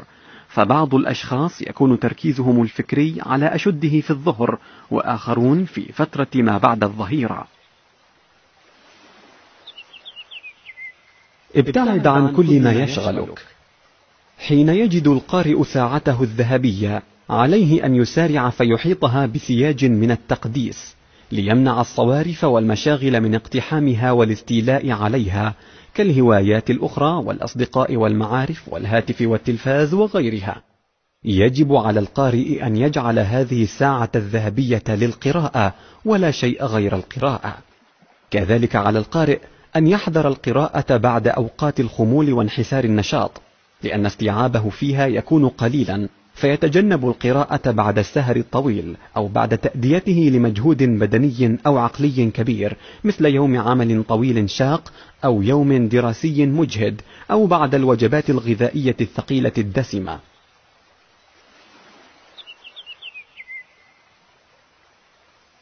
آخر الأدوات اللازمة في خماسية فن القراءة هو الإجابة على السؤال الخامس كيف نقرأ؟ وهذا أيضا سؤال تجب الإجابة عليه والتمكن منها قبل دخول عالم القراءة. نماذج طريفة لكيف يقرأ بعض المشاهير. يروى أن شيلي الشاعر الإنجليزي كان يمزق أوراق كل كتاب يقرأه بعد أن يفرغ من قراءته ليصنع من الأوراق زوارق صغيرة يطلقها في مياه البحيرات والأنهار ويتفرج عليها وهي تبحر بعيدا.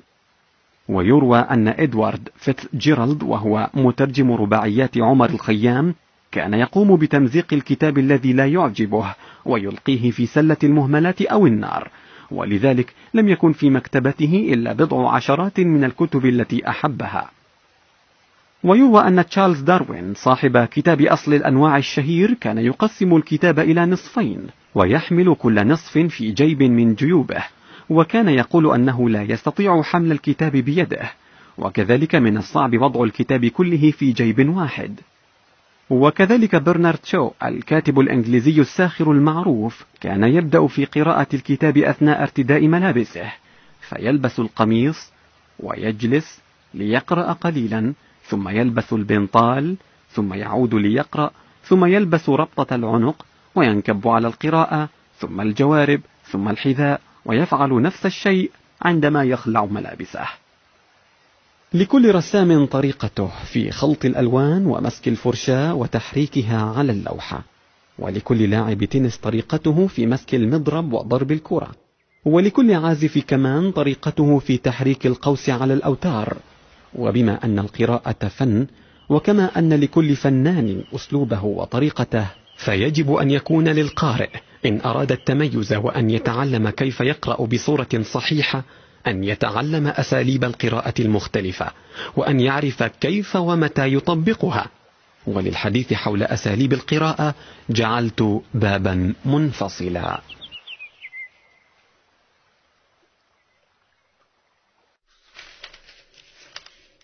القراءة الذكية. القراءة الذكية. الباب الثالث. أساليب القراءة. الفصل الأول. أشهر أساليب القراءة. توجد هناك عدة أساليب للقراءة. من أشهرها قراءة الاستطلاع أو الاستعراض المسحي scanning والقراءة العابرة skimming والقراءة الدرسية studying والقراءة السريعة speed reading وأساليب أخرى ربما هي أقل شهرة. أولا قراءة الاستطلاع أو الاستعراض المسحي أو القراءة الاكتشافية. أما هذا الأسلوب فيستخدم عندما يريد القارئ أن يحصل على الصورة العامة لكتاب ما لسبب من الأسباب. ويقوم القارئ من خلال هذا الأسلوب أولا باستعراض أقسام الكتاب وفصوله تباعا مبتدئا بالفهرس حيث يطلع من خلاله على محتويات الكتاب وطريقة تنسيقها. ويشرع بعدها باستعراض الفصول واحدا تلو الآخر فيقرأ الفقرة الأولى وربما الثانية من كل فصل محاولا بذلك أن يصطاد الأفكار الرئيسية لما تتحدث عنه هذه الفصول على أن يركز في ذات الوقت على رسم تصور عام لهذه الفصول وترتيبها وعلاقتها ببعضها البعض. ولا يمنع في هذا الأسلوب أن يتوقف القارئ عند تلك الصور والأشكال والرسومات البيانية التي تثير انتباهه. فمن شأن هذه أن تضيف لتلك الصورة العامة التي يحاول أن يرسمها في مخيلته عن الكتاب الذي بين يديه. بعد ذلك سيجد القارئ نفسه وقد كون صورة مقبولة عن هيكل ومحتويات الكتاب وعن طريقة عرضها وأسلوب كتابتها. ثانيا القراءة العابرة أو القراءة الانتقائية. ويستخدم هذا الأسلوب عندما يريد القارئ أن يبحث عن معلومة بعينها أو إجابة محددة عن سؤال ما كمثل قراءته في القاموس أو المعجم أو الموسوعة على سبيل المثال. فهذه الكتب لا تستلزم قراءتها صفحة بعد صفحة وسطرا بعد سطر. وإنما يكفيها أن يقصد القارئ ما يريده مباشرة مما يستلزم منه معرفة وافية بطريقة عرض المعلومات وطريقة تصنيفها وترتيبها فيها. كما يستخدم هذا الأسلوب مع الكتب والمراجع العلمية عند الرغبة في البحث عن معلومة بعينها. الأمر الذي يستلزم من القارئ أن يستحضر مسبقا شكل وهيئة المعلومة مثار البحث من حيث كانت رقمية أو عبارة عن معادلة. وكذلك إن كانت منسقة على هيئة خاصة كأن تكون الطباعة عريضة أو مائلة أو تحتها خط إلى غير ذلك. فيمر بعينه سريعا على صفحات تلك الفصول أو الأقسام التي يعتقد أن ما يريده يتواجد فيها. ويبطئ سرعته حين يمر على ما يشابه مقصده.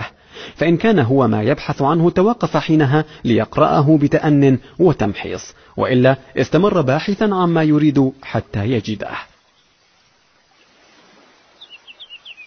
ثالثا القراءة الدرسية التحليلية.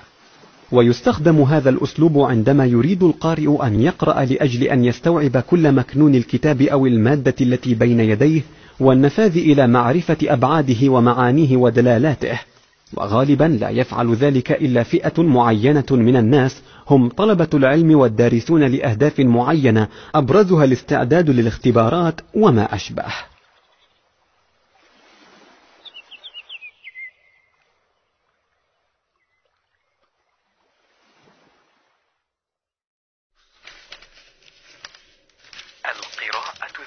القراءة الذكية.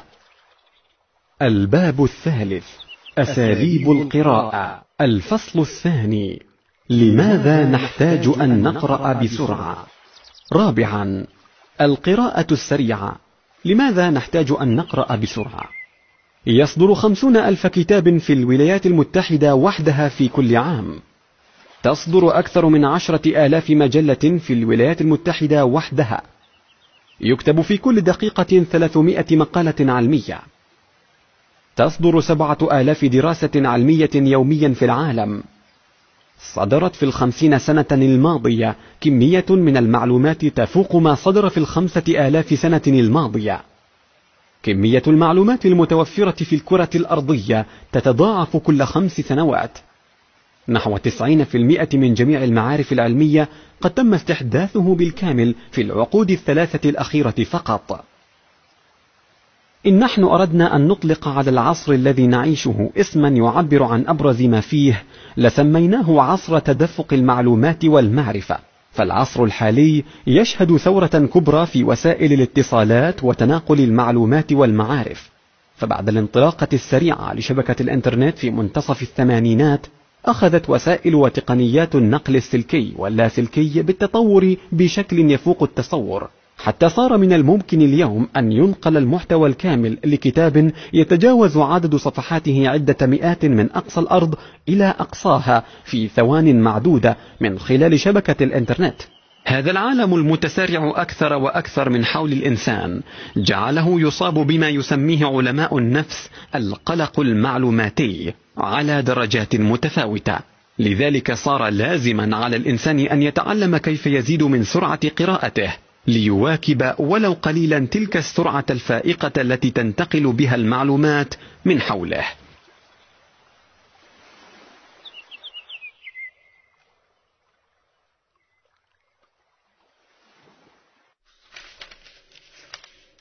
القراءة الذكية القراءة الذكية. الباب الثالث. أساليب القراءة. الفصل الثالث. كيف تطور سرعة قراءتك؟ على الرغم من أن البعض قد يعتقد بأن زيادة سرعة القراءة قد يؤثر على معدل الاستيعاب والفهم للمادة المقروءة إلا أن التجارب والدراسات أثبتت عكس ذلك حيث بينت أنه من الممكن لكل شخص أن يضاعف سرعة قراءته على الأقل مع احتفاظه بنفس مستوى الاستيعاب إن لم يكن أفضل. تذكر كتب التاريخ أن الرئيس الأمريكي جون كينيدي كان يقرأ بمعدل 1200 كلمة في الدقيقة وأن الرئيس تيودور روزفلت كان يقرأ يوميا كتابا كاملا قبل تناول طعام الإفطار. معدل القراءة الجيدة. سرعة القراءة السائدة بين الناس هي ما بين 200 و 300 كلمة في الدقيقة أي بحدود خمس عشرة صفحة من القطع المتوسط لكل عشر دقائق. لذا فالمعدل الذي يقل عن 200 كلمة في الدقيقة يعتبر معدلا بطيئا. وأما ذلك الذي يكون فوق 300 كلمة في الدقيقة فيعتبر مقبولا. لكن سرعة القراءة الجيدة تتراوح ما بين 700 و 800 كلمة في الدقيقة علما بأن من يتعلمون طرق وتقنيات القراءة السريعة قد يصلون إلى أكثر من ذلك بكثير. تدرب وستلاحظ الفرق. وهنا يحين وقت السؤال الجوهري. هل يمكن لأي شخص أن يزيد من سرعة قراءته بمجرد تعلمه لأساليب القراءة السريعة؟ الإجابة هي نعم ولا في ذات الوقت إجابة محيرة أليس كذلك؟ ربما بعض الشيء لكن تابعوا معي القراءة السريعة شأنها كشأن الألعاب الرياضية ككرة القدم على سبيل المثال لا يستطيع الشخص أن يقرر بأن يتعلم كرة القدم فيدخل الملعب مباشرة ليجري خلف الكرة ويركلها ويقول بعدها بأنه صار يعرف كيف يلعب كرة القدم. على من يريد تعلم كرة القدم أن يتعلم أولا كل قواعدها وطرقها. وثانيا وهو الأهم أن يتمرن وبشكل مستمر حتى يجيدها إلى أقصى حد. وأن يستمر في التدريب والمران بعد ذلك ليحافظ على لياقته في مستوى مرتفع. وكذلك القراءة السريعة. يحتاج المرء في البدء أن يتسلح بالرغبة الصادقة في تطوير سرعة قراءته وأن يشرع بعد ذلك في تعلم الوسائل والأساليب المتبعة للقراءة السريعة. ومن ثم عليه أن يواصل التدريب على هذه الأساليب الجديدة للقراءة. وأن يصبر على الصعوبات التي ستتبدى له في بداية المسيرة وأن يثابر بعزم. سرعة القراءة ترفع مستوى الاستيعاب. من المألوف جدا عند معلمي أسلوب القراءة السريعة أن يروا كثيرا ممن حضروا دورات تعليم القراءة السريعة معهم وقد تركوا بعد حين تلك الأساليب التي تعلموها وربما أتقنوها أثناء الدورات. إما لأنهم لم يثابروا على المران والممارسة وإما لأنهم خافوا من ذلك الشعور الذي يلازم أغلب المبتدئين في مجال القراءة السريعة من أن مستوى الاستيعاب عندهم قد انخفض. إلا أن هذا الشعور لا يعبر عن الحقيقة. فقد أثبتت الدراسات التي أجريت في هذا الحقل بأن مستوى الاستيعاب يزداد بازدياد سرعة القراءة حيث وجد أن القراءة السريعة تزيد من الفهم أكثر من القراءة البطيئة بالنسبة لكثير من القراءات كقراءة المقالات على سبيل المثال.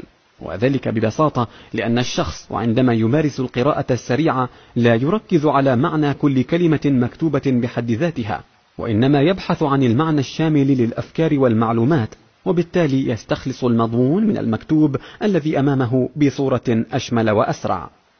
لكي يبقى هذا رهينا بتعلم الوسائل الصحيحة للقراءة السريعة فزيادة سرعة نقل العين بين الكلمات والسطور دون معرفة الطريقة الصحيحة لذلك سيؤدي حتما إلى خفض مستوى الاستيعاب ومن ثم إلى مضاعفة أزمة القراءة عند القارئ وبالتالي إلى إضعاف ثقته بنفسه وبقدرته على السيطرة على ملكة القراءة.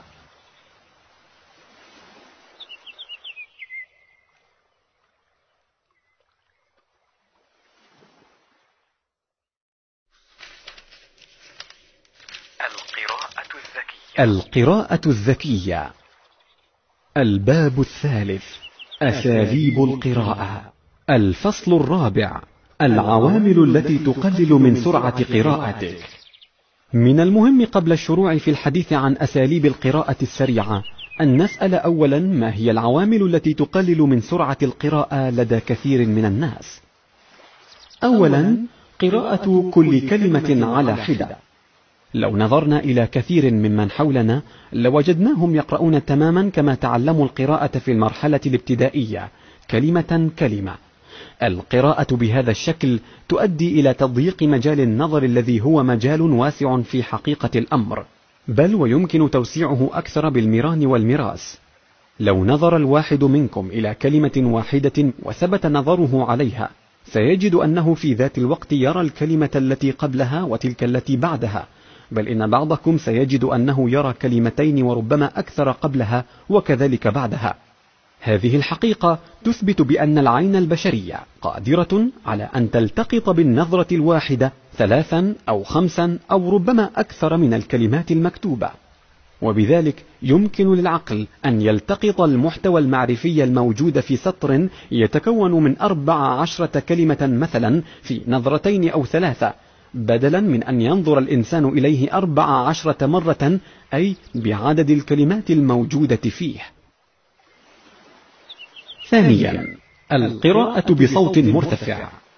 كذلك يقرأ البعض بصوت عال أو بصوت خفيض مع تحريك الشفتين. وإن سألتهم عن سبب ذلك يقولون بأن هذا يساعدهم على الاستيعاب والفهم أكثر. ومرة أخرى نقول بأن هذا غير صحيح على إطلاقه. صحيح أن الترديد بصوت عال يساعد على الحفظ كحفظ القرآن وحفظ القصائد والأغاني حيث إنه يؤدي إلى تصنيع رابط عصبي إضافي في العقل لتثبيت المعلومة المقروءة مع صوت نطقها وطريقة ترديدها وبعد ذلك استرجاعها وتذكرها. فمن الثابت أن العقل تتداعى فيه الذاكرة بروابط الصور والأصوات وحتى الروائح. كلنا مررنا بتجربة أن نرى منظرا فيذكرنا بأغنية أو أنشودة سمعناها أو أن نشم عطرا فتتداعى إلينا ذكريات ومشاهد موقف عايشناه أو تجربة مررنا بها. كذلك فإن الحافظ يتذكر ما يحفظه من القرآن أو من الشعر من خلال تذكره لشكل الكلمات ولطريقة الترتيل أو اللحن إنجاز القول الذي حفظ من خلاله. لذلك نجد أن الحفاظ يحرصون على الحفظ من مصحف واحد لا يبدلونه. وذلك لأنهم في واقع الحال يستخدمون ذاكرتهم لجلب المحفوظ فيها من خلال شكل رسمها وموضعها في المصحف وأيضا طريقة ترتيلها ولحنها وذلك قبل تذكر معانيها وصحة مكانها في السياق الفكري. لكن ما يثبت أن ممارسة القراءة بصوت عال لا ترتبط بالضرورة بمعدل الاستيعاب. كثيرا ما نجد أشخاصا يحفظون متونا طويلة لقصائد ومنظومات ونصوص أدبية أو دينية في حين أنهم قد لا يدركون معناها ولا يستوعبونها. وأكبر مثال على ذلك هم الأطفال. فهناك أطفال يحفظون أجزاء كثيرة من القرآن أو ربما القرآن بكامله. وعندما تسألهم عن معاني الكلمات وعن مدلولات الألفاظ فإنهم لا يعرفون. لذلك يمكننا القول بثقة بأن الترديد بصوت عال قد يساعد على الحفظ بشكل كبير لكنه لا يساعد بالضرورة على الفهم والاستيعاب. الاستيعاب والفهم قرينان بإدراك المعاني والمضامين الفكرية للمادة المقروءة وبالتالي فإن من لا يهمه أن يستعيد المعلومات الموجودة فيما يقرأ بحرفيتها وتماما بنفس الطريقة التي كتبت بها فإن القراءة الصامتة من خلال النظر المجرد ستكون أكثر فائدة على صعيد السرعة وكذلك من حيث الاستيعاب والفهم. ومن المفيد هنا أن نذكر مرة أخرى أن كثيرا ممن لا يزيدون من سرعة قراءتهم ويبطئون من سرعتهم قصدا كثيرا ما يفعلون ذلك مدفوعين بخوفهم من أن زيادة السرعة ستؤدي إلى قلة الاستيعاب وهذا غير صحيح. بل أوضحت كثير من الدراسات أن القراءة السريعة ترتبط بزيادة الاستيعاب على النقيض مما هو راسخ في أذهان البعض. ثالثا القراءة بالتحريك الخاطئ للعين. كذلك من الأمور التي تبطئ من سرعة القراءة تحريك العين بشكل خاطئ خصوصا عندما تكون الطباعة أو الكتابة صغيرة أو السطور متقاربة. كثير من القراء وعندما ينتهون من سطر ويشرعون بالذي يليه يقفزون إما إلى بداية ذات السطر الذي انتهوا من قراءته أو أنهم يتجاوزون السطر المراد قراءته بسطر أو اثنين. هذه الأخطاء تقلل من سرعة القراءة وتشتت الذهن وبالرغم من أن ذلك قد يحصل لأجزاء بسيطة من الثانية لكن المحصلة في النهاية تشكل وقتا معتبرا. يمكن التغلب على ذلك بطرق شتى أهمها ما يسمى بطريقة استخدام الدليل البصري. والدليل البصري إما أن يكون قلما أو مسطرة يمر بها القارئ تحت السطر الذي يقرأه أو أن تكون الإصبع السبابة والذي هو الأفضل في تصوري لأنه أداة متوفرة مع القارئ أينما ذهب وأينما أراد أن يقرأ. فوائد استخدام الدليل البصري. من فوائد استخدام الدليل البصري بالإضافة إلى تقليله لإمكانية قفز العين إلى السطر الخطأ أنه كذلك يساعد القارئ على زيادة سرعة قراءته وحين يحرك القارئ دليله البصري بسرعة معينة تحت الكلمات فإنه يجبر عينه على متابعة الدليل بنفس السرعة وبالتالي يمنعها من ممارسة أحد أشهر أخطاء حركة العين المعروفة في عالم القراءة السريعة ألا وهو تراجع العين regression. لو نظر أي واحد منا لعيني شخص يقرأ أمامه لوجد أنهما لا يتحركان أفقيا بشكل ثابت وإنما تقومان باهتزازات أفقية قد تكون سريعة جدا عند بعض الأشخاص. وكأن العين وهي تقرأ السطور تعود أكثر من مرة لتنظر لذات الكلمات مرة أو مرتين. من شأن هذا الأمر أن يبطئ من سرعة القراءة كثيرا. حيث تظهر بعض الدراسات أن القارئ بسرعة 250 كلمة بالدقيقة يتراجع قرابة العشرين مرة. لذلك فاستخدام الدليل البصري يقلل من حركة العين هذه ويجبرها على المواصلة إلى الأمام. رابعا ضعف التركيز. كذلك من الأمور التي تبطئ من سرعة القراءة ضعف التركيز والذي قد يحصل لأسباب عديدة. عندما يكون العقل مشغولا بأمور أخرى غير الكتاب الذي بين يدي صاحبه فإنه سيحلق بعيدا عنه مرات ومرات. وكلما استشعر القارئ بأنه قد انصرف بفكره عما يقرأ عاد إلى بداية الجملة أو الفقرة وربما الصفحة مجددا. حتى إنه يمكن أن ترى شخصا يستغرق ساعات طوال ينظر إلى صفحة واحدة من كتاب لا يتجاوزها. وحين تمعن النظر في أمره تجده وقد كان يطير في عالم الخيال والأفكار. من الأمور الأخرى أيضا القراءة في الأماكن المزدحمة المليئة بالضوضاء فإنها قد تكون من الأسباب الرئيسة في ضعف التركيز وتباطؤ القراءة بالتالي خصوصا لغير المتمكنين من القراءة في مثل هذه الأماكن. خامسا قلة ممارسة القراءة. وأخيرا وكما أشرت سابقا فإن قلة تطبيق وممارسة أسلوب وتمارين القراءة السريعة يبطئ من سرعة القراءة ويجعل القارئ يركن إلى الأسلوب التقليدي في القراءة. القراءة السريعة مثل الرياضة فإن لم يمارسها القارئ بشكل دائم فقد لياقته وصعبت عليه واحتاج بعدها إلى جهد أكبر ووقت أطول ليعود إليها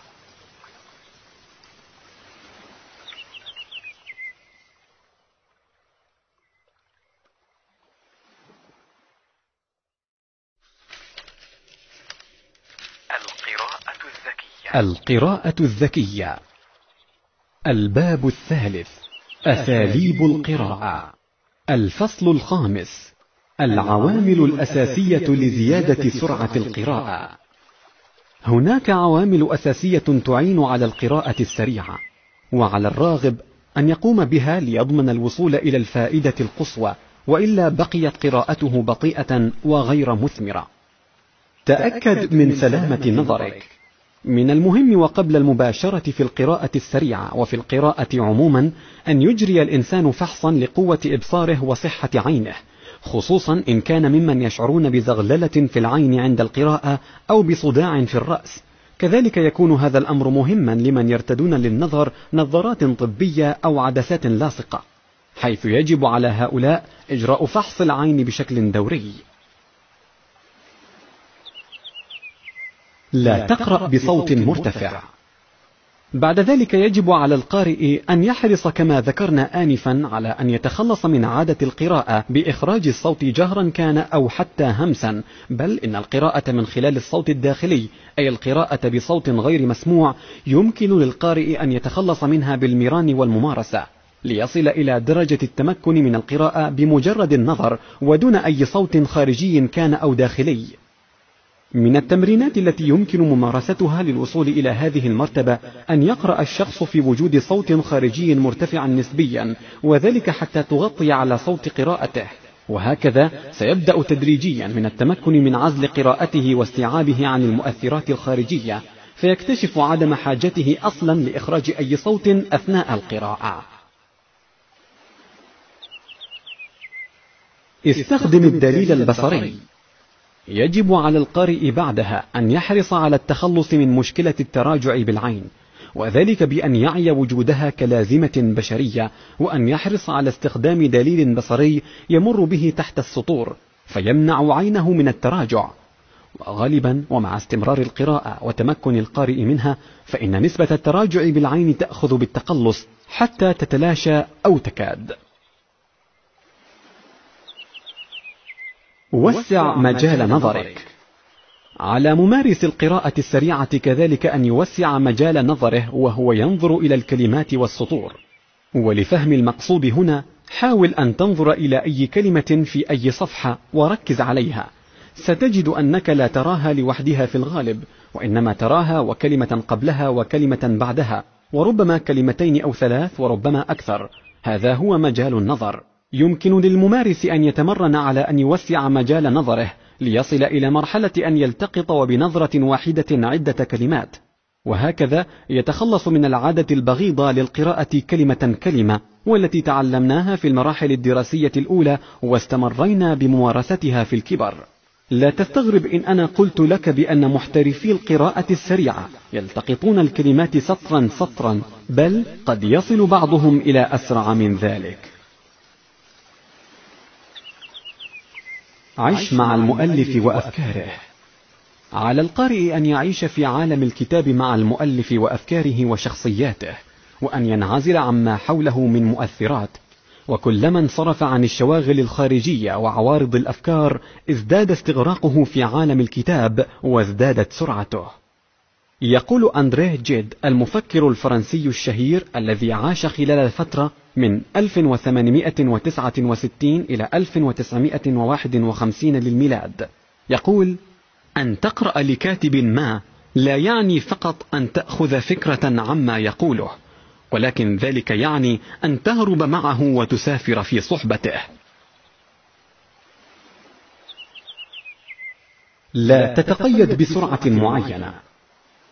وعلى الرغم من أن أساليب القراءة السريعة تهدف بداهة إلى زيادة سرعة القراءة فإن ذلك لا يعني أن يكون القارئ منطلقا بذات السرعة في كل ما يقرأ.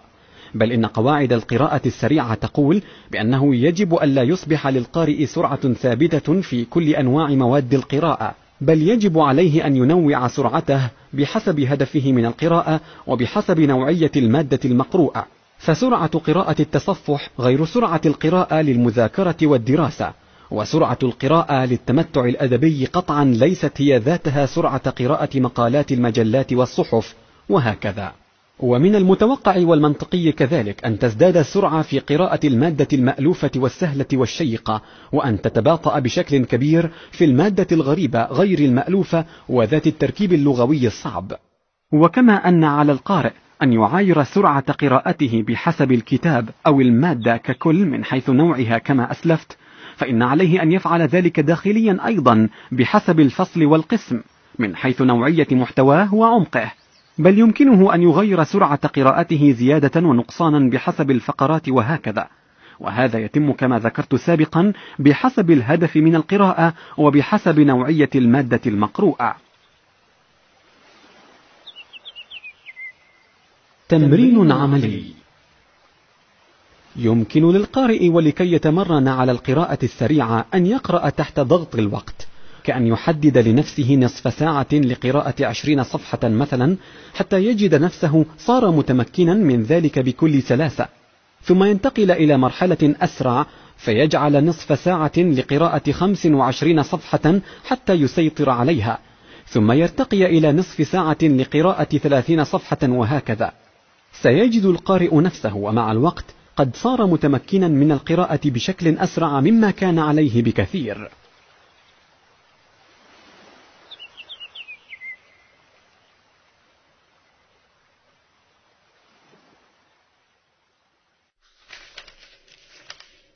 القراءة الذكية. القراءة الذكية. الباب الثالث. أساليب القراءة. الفصل السادس. متى تبطئ سرعتك؟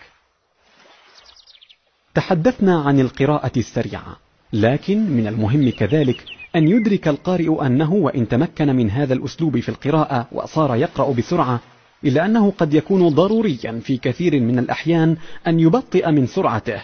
فمتى يبطئ من سرعته؟ يجب على القارئ أن يخفف من سرعته عند مروره بمصطلح غريب أو جديد. فعليه أن يستجلي معناه وأن يسبر غوره ليدرك ما يرمي إليه لأنه إن تجاوزه دون حرص على ذلك فلعله لن يستوعب معنى الجملة أو ربما الفقرة بأسرها. كذلك ينطبق ذات الأمر عند المرور بتركيب لغوي صعب أو غير مباشر فلا بد من التمهل للوقوف على معناه ومراده. كذلك فإن على القارئ وخصوصا في قراءة المذاكرة والدراسة أن يتمهل عند فقرات التفصيل والشرح الدقيق وعند تلك المواد التي يعلم بحاجته أن يفهمها بعمق.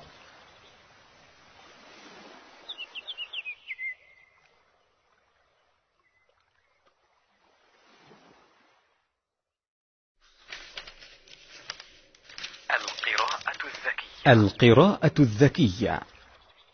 الباب الرابع القراءة الذكية. الفصل الأول الإرشادات الأساسية للقراءة الذكية. بعد أن يسيطر القارئ على الأدوات الخمسة في فن القراءة والتي تناولناها في الباب الثاني من هذا الكتاب فهناك بعض الإرشادات الأساسية التي يجب تطبيقها للوصول إلى أفضل كيفية ممكنة للقراءة وهو ما أسميه بالقراءة الذكية. أولا لا تبتعد عن الهدف.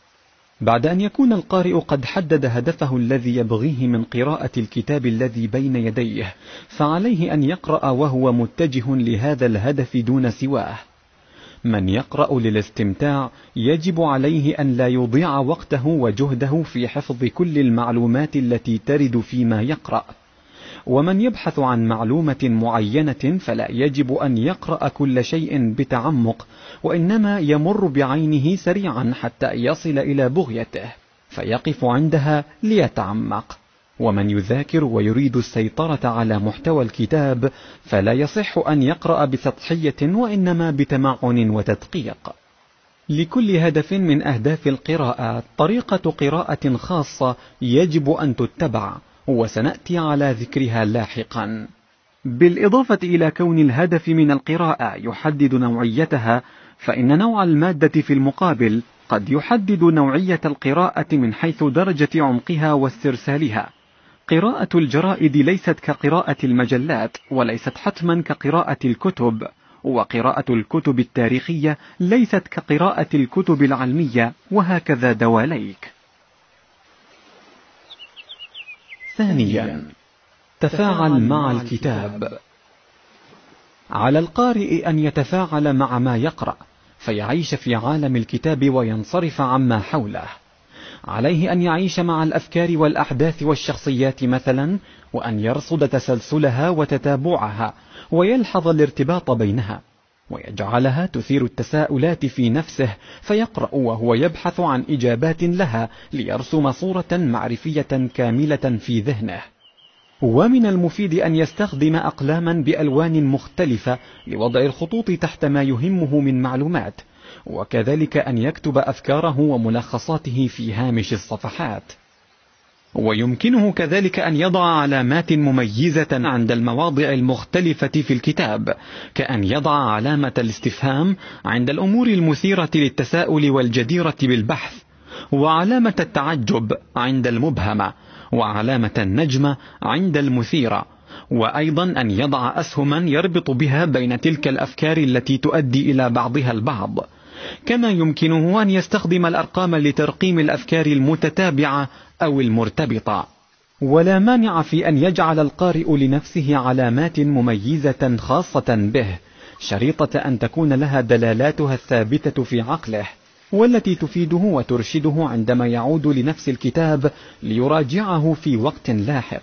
لأنه حينما لا تثبت مدلولات هذه العلامات أو عندما يكثر القارئ من استخدامها في كل موضع وتحت كل سطر ستفقد قيمتها ومعناها وستصبح محض شخبطات لا نفع منها. بل لعلها تشوه الكتاب وتجعله أكثر صعوبة في الدرس.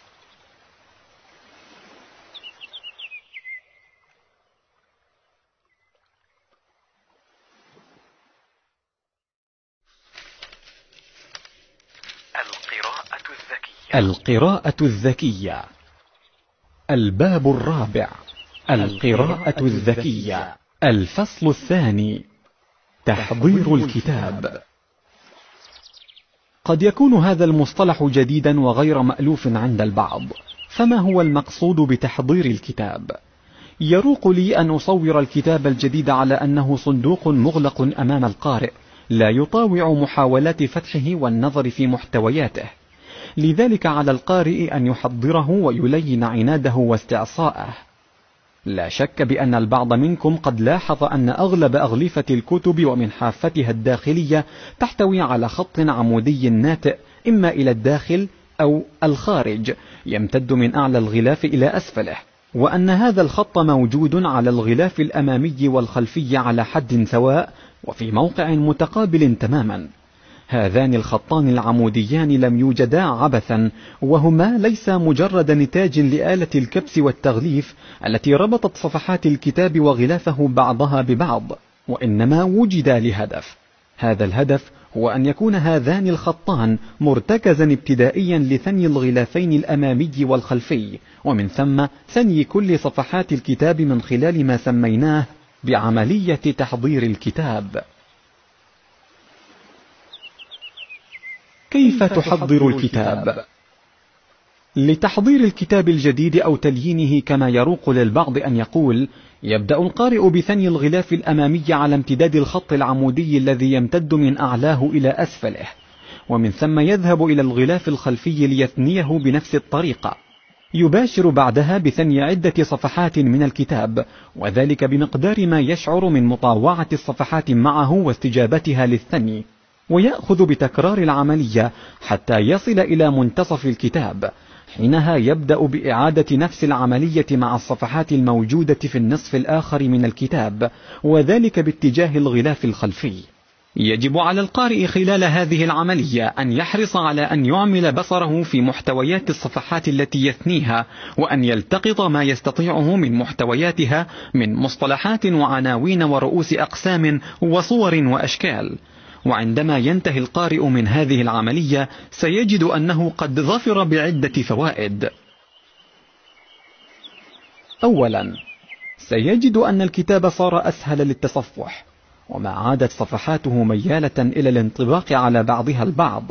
وسهل بذلك عليه أن يضعه أمامه على الطاولة ليقرأ صفحاته حتى دون الحاجة أحيانا للإمساك به لمنع صفحاته من التحرك. ثانيا سيجد أنه كون صورة لا بأس بها حول ما يتحدث عنه الكتاب ورسم في عقله خريطة مبدئية عن خط سير أفكاره وعن طبيعة محتوياته. وربما ثارت في عقله تساؤلات حول ما رآه في الكتاب. ستكون دافعا له حين القراءة الفعلية للتركيز على مواطن معينة بحثا عن إجاباتها. ثالثا وهو الأهم. هو أن تحضير الكتاب يكسر ذلك الحاجز النفسي بين القارئ وبعض الكتب الجديدة. كثير من الناس يرهبون الشروع في قراءة الكتاب الجديد خصوصا إن كان كبيرا أو ذا عنوان أو ربما ذا غلاف غير جاذب. ولطالما كشفت عملية تحضير الكتاب أن محتوى ذلك الكتاب الذي كان يرهبه القارئ أو يتثاقل مما قد يكون فيه هو محتوى جيد وسلس بل وجاذب. وكثيرا ما انقلب الشعور برهبة بعض الكتب ومحتوياتها إلى شعور بالشغف والتشوق لقراءة كل ما فيها بعدما قام القارئ بتحضيرها وتليينها. إن الكتاب الذي لم يقم صاحبه بتحضيره يبقى كالوحش النافر المتمرد بينما الكتاب المحضر يألف صاحبه ويألفه صاحبه.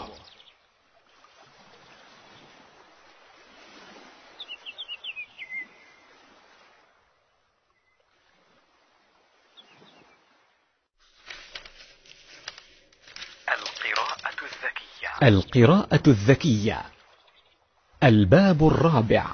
القراءة الذكية. الفصل الثالث. دراسة الكتب الكبيرة. المراجع.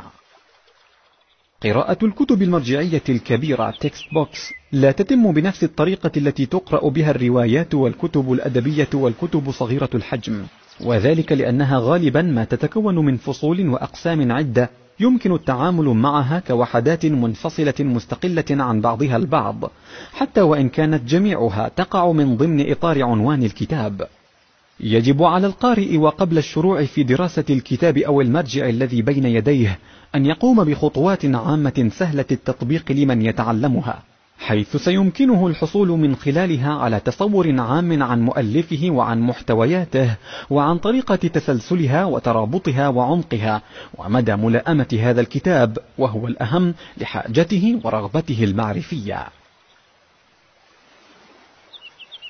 الحصول على الخريطة الشاملة للكتاب في البدء على القارئ أن يسعى للحصول على الخريطة الشاملة للكتاب وذلك بالابتداء بالتمعن في عنوان الكتاب ومن ثم فحص محتويات ومعلومات الغلافين الأمامي والخلفي.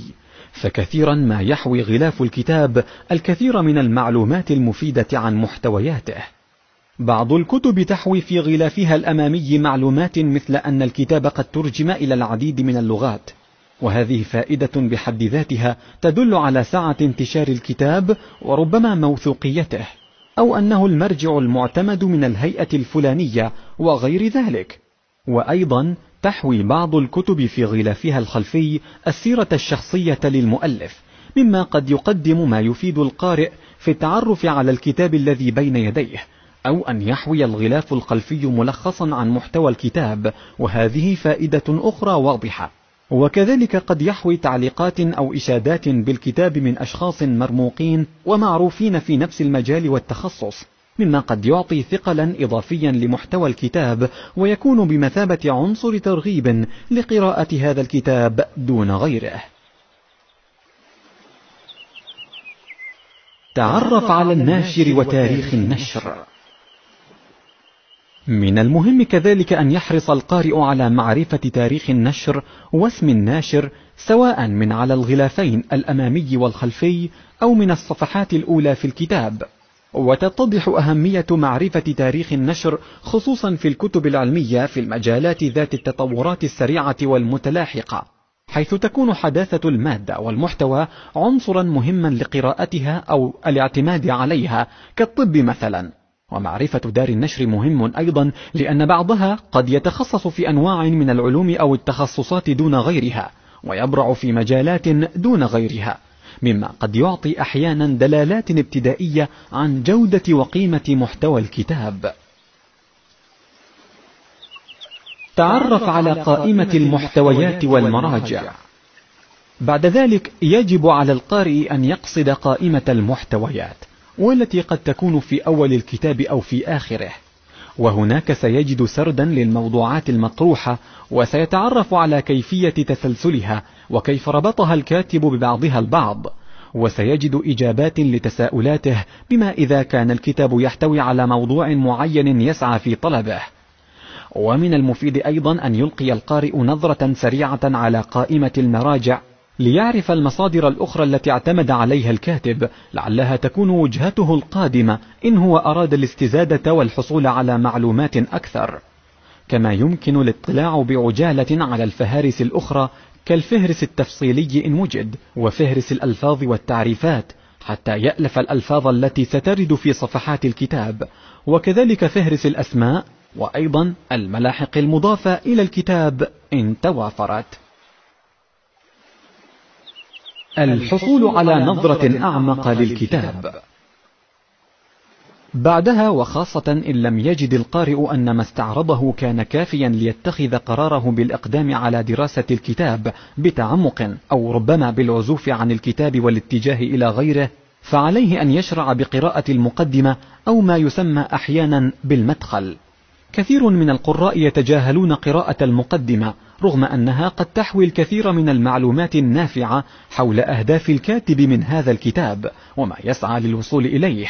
وربما حوت كذلك معلومات حول ملابسات تأليف الكتاب والدوافع إليه أو ربما ملخصا عن محتوى الكتاب وغير ذلك من المعلومات التي قد تكون فاصلة في قرار القارئ إما بتشجيعه وزيادة همته بالإقدام على قراءة الكتاب أو تثبيطها ودفعه للعزوف عنه والبحث عن غيره.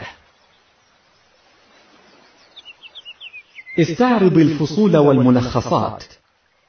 ومن ثم على القارئ أن يستعرض الفصول بعجالة فيطلع على العناوين الرئيسة فيها وكذلك الفرعية وأن يلحظ الصور المرفقة والأشكال والخرائط وأن يقرأ ما تحتها. فمن شأن هذا أن يوضح ملامح الصورة التي يرسمها عقله للكتاب الذي بين يديه ويجعلها بمثابة خريطة غنية بالتفاصيل يستطيع من خلالها أن يرسم تصورا لهيكلية كل فصل. ومن المهم كذلك أن يلاحظ القارئ إن كانت الفصول منتهية بملخصات فيقرأها لتعينه على قراءة الفصول بالتفصيل لاحقا. كما أنه من المفيد أن يقرأ أية أسئلة أو تمرينات قد تكون موجودة في نهاية الفصول. فمن شأن هذا الأمر أن يجعل عقله يتوقف عن إجاباتها لاحقا عندما يقرأ الفصل بتمعن. القراءة المبدئية للفصول. بعد ذلك ومرة أخرى إن لم يتخذ القارئ قراره بأن الكتاب الذي بين يديه ليس هو مراده ومقصده فيمكن له أن يشرع في قراءة مبدئية للفصول. يقرأ الفقرة الأولى وربما الثانية أحيانا من كل فصل ويتساءل ما إذا كانت تخبره بما يتحدث الفصل ويقرأ بعدها الفقرة الأخيرة والتي قبلها إن تطلب الأمر ففي أحيان كثيرة يضع فيها الكاتب خلاصة الفصل واستنتاجه أو مراده منه.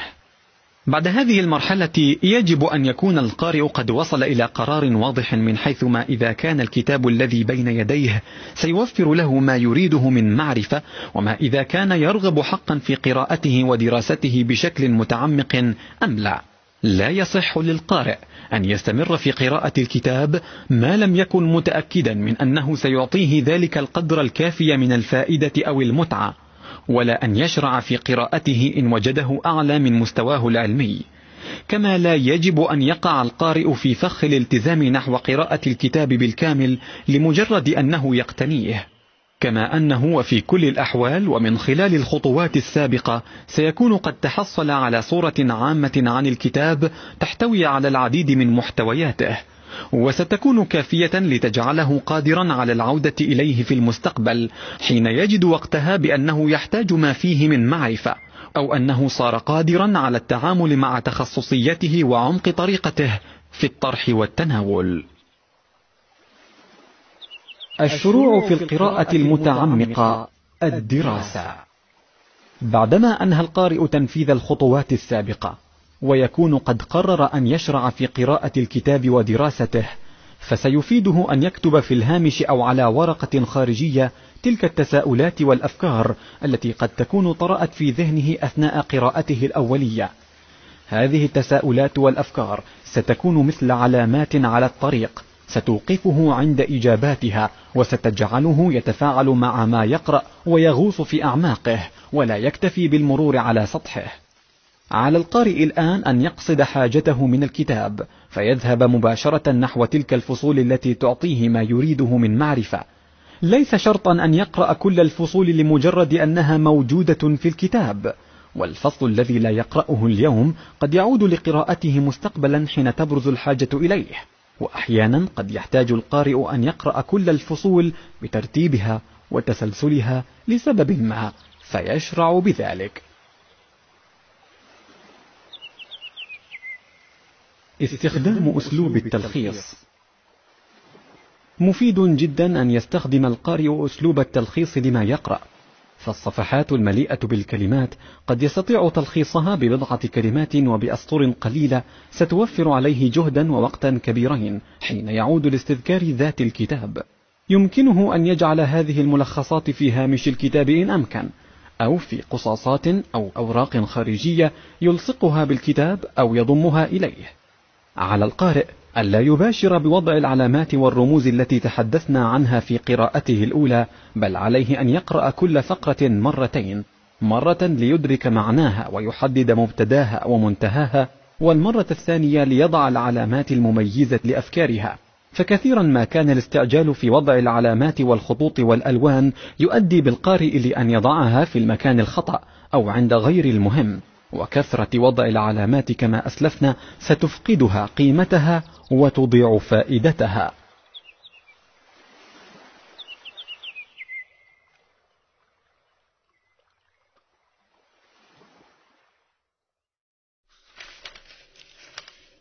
القراءة الذكية. القراءة الذكية.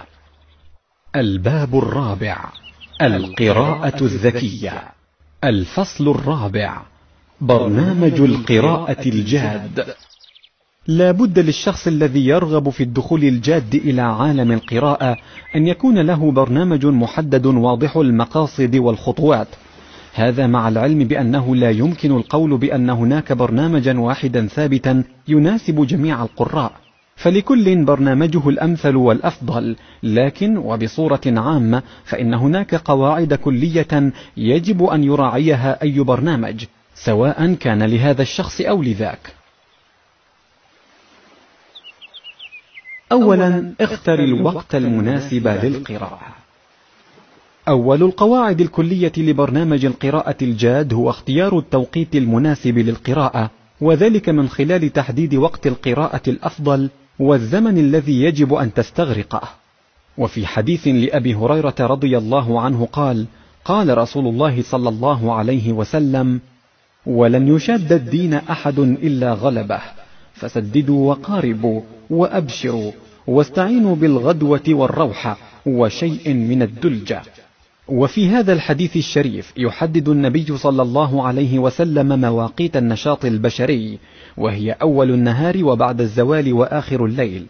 أي أن الإنسان يكون في ذروة نشاطه بعد فترات الاستراحة راحة الليل وراحة القيلولة وقبيل الفجر.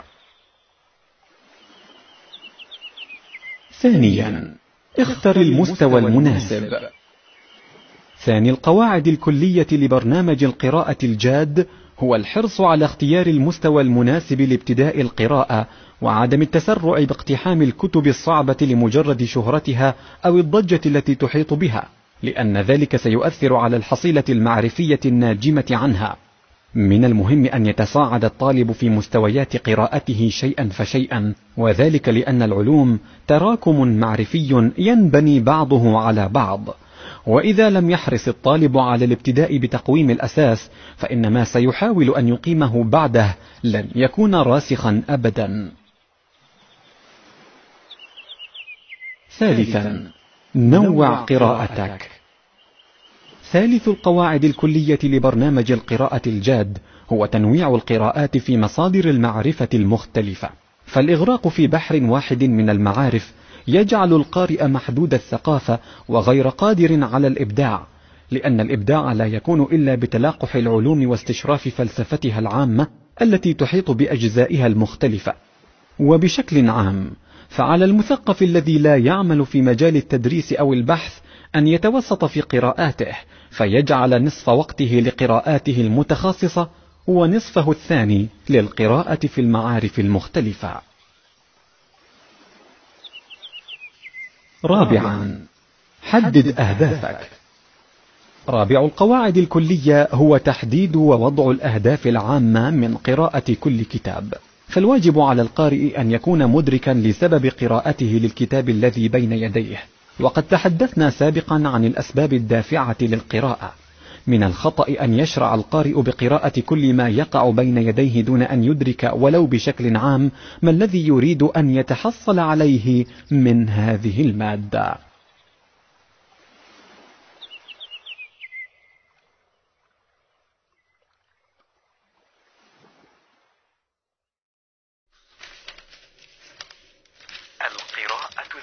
القراءة الذكية. الباب الرابع. القراءة الذكية. الفصل الخامس. القارئ المفكر والقراءة التفاعلية. من البديهي أن القراءة ليست عملية فيزيائية محضة تقتصر على تحريك العينين على السطور أو ما ينوب عنها عند فاقدي البصر. ليضمن القارئ بعدها انتقال المعلومات إلى عقله وإدراكه. لكن المفارقة أن أغلب الناس وبالرغم من ذلك فإنهم وحين يقرؤون لا يقومون بما يبعد كثيرا عن هذا النشاط الفيزيائي البحت. يقول الفيلسوف الإنجليزي جون لوك صاحب المساهمات الكثيرة في العلوم السياسية والإدارية إن القراءة لا تمد العقل إلا بمواد المعرفة البحتة لكن التفكير هو الذي يجعل ما نقرأه ملكا لنا. القراءة وإن قامت في أساسها على ذلك النشاط الفيزيائي والذي يفيد في تطويره التدريب والميراث أيضا بطبيعة الحال إلا أنها في نهاية المطاف عملية فكرية نشطة. القراءة عملية ثنائية الاتجاه. قد يظن البعض أن القراءة عملية أحادية الاتجاه تنطلق فيها المعلومات من السطور المكتوبة عبر العين إلى العقل لكن الحقيقة أنها في مستوياتها الراقية عملية ثنائية الاتجاه يعيش فيها القارئ علاقة حوار مع الكاتب المؤلف. يقول الشاعر والناقد الإنجليزي تشارلز لامب ليست القراءة سوى حوار صامت. لذا فلا يصح أن تمر المعلومة ولا الفكرة على القارئ مرور الكرام وإنما عليه أن يتوقف عندها ويمحصها فتثير في عقله عشرات التساؤلات حولها وعن ارتباطها بما سبقها وبما سيليها فيعود بعينه وكأنه يسأل المؤلف عما ثار في عقله وباحثا عن إجابات لهذه الأسئلة التي توقدت في نفسه. وهكذا يستمر الحوار بين القارئ وبين سطور الكتاب الذي بين يديه وكأنه يجلس مع الكاتب نفسه فيحاوره ويسأله. لا تعترض إلا إذا فهمت. وهذا يقود إلى القول أن على القارئ أن لا يتخذ أبدا موقفا مخالفا من أي كتاب يقرأه ما لم يكن متأكدا من أنه فهمه كل الفهم وأدرك مقاصد كاتبه من خلال قيامه بالقراءة التفاعلية التي جاء وصفها.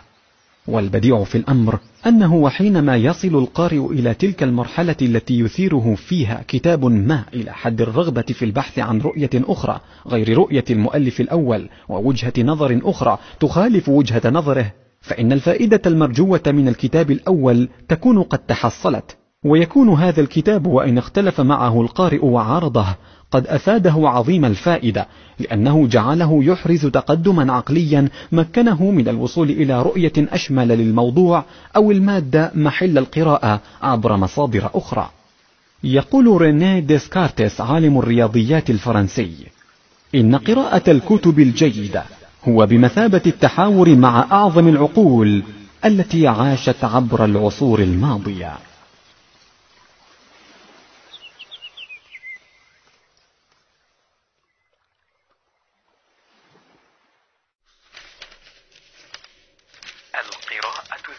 القراءة الذكية. الباب الرابع. القراءة الذكية. الفصل السادس. صفات القارئ الجيد. ذكرت سابقا بأن عملية القراءة ليست عملية أحادية الاتجاه. تنبع من الكاتب إلى القارئ فحسب. وهكذا فليست كل المهمة ملقاة على عاتق الكاتب ليكون مسؤولا إلى أقصى الحدود عن توضيح مقاصده وخدمة النص المكتوب إلى حدود الإمكان. وفي المقابل فليس القارئ كذلك معفيا من أي مسؤولية عدا إحاطته بالإمكانات اللغوية واللفظية للنص الذي بين يديه. بل تقع على عاتقه مسؤولية التفكر فيما وراء قطعية الكلمات المكتوبة. وعدم الوقوف بجمود عند الحرفية الزائدة للسطور. وتكبر هذه المسؤولية أكثر ونحن في عصر تغيرت فيه النظرة إلى كل وسائط المعرفة وكل مناهج الأدب والنقد واللغة وصارت تحمل فيه النصوص في طياتها على اختلاف أشكالها الكثير من المعاني غير الظاهرة والتي تنتظر فكرا نشيطا متسائلا يفتح الباب عنها فيطلقها. النص الجيد. النص الذي لا يحيد عن توقعات القارئ المفكر المسبقة هو نص رتيب. فإن كان قد أضاف بشكل مباشر إلى حصيلته المعرفية وهذا أقل القليل الذي نفترضه في أي نص صالح للقراءة فقد قصر عن استثارة الحراك في فكره الشغوف وعجز عن الإضافة إلى ذائقته الأدبية.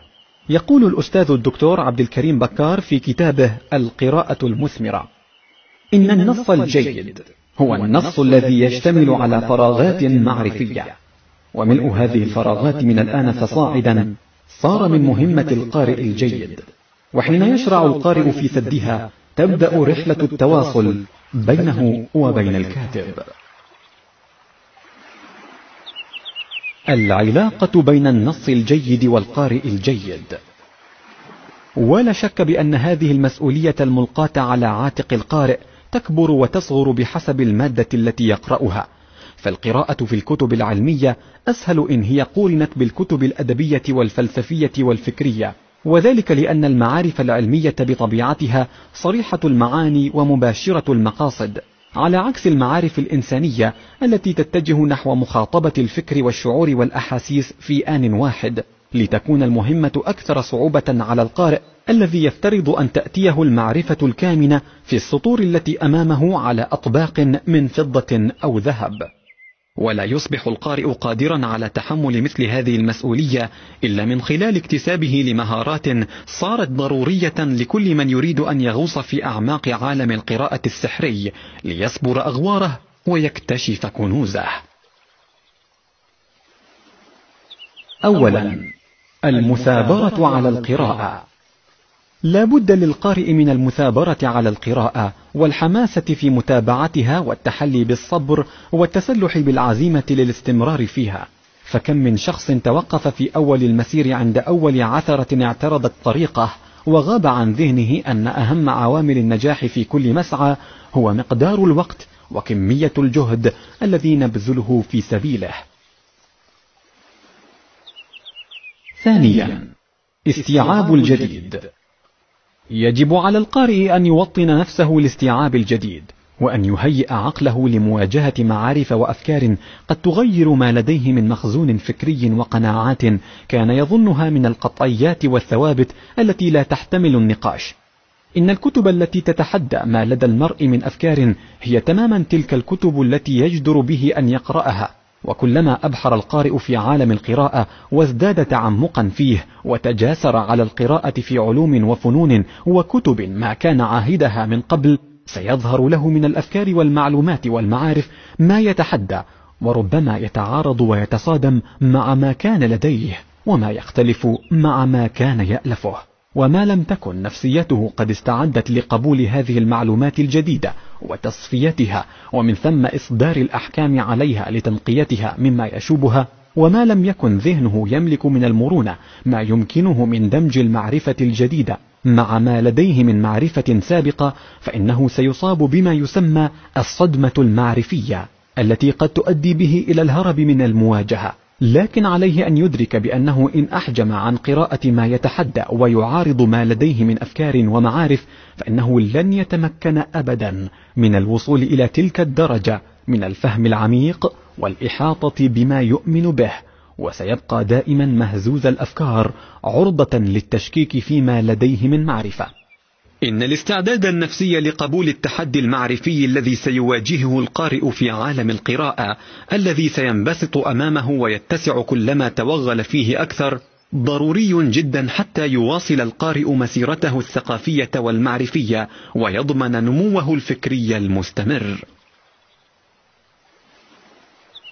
ثالثا اختيار الكتاب النافع يجب على القارئ أن يتعلم كيفية اختيار الكتاب الذي ينفعه من كل فن وعلم يهمه.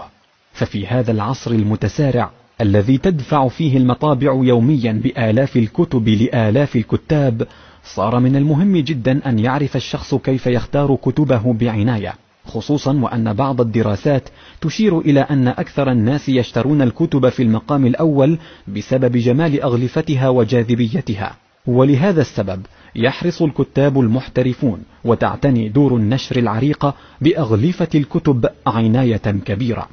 لكن القارئ الواعي لا يشتري الكتاب لجمال غلافه وإنما يعرف كيف يدرك قيمة الكتاب وقيمة ما يحتويه بعينه الفاحصة المدربة.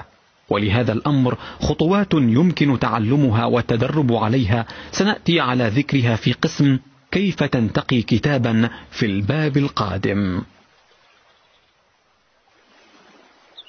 رابعا الحكم على أهمية كل كتاب على حدة.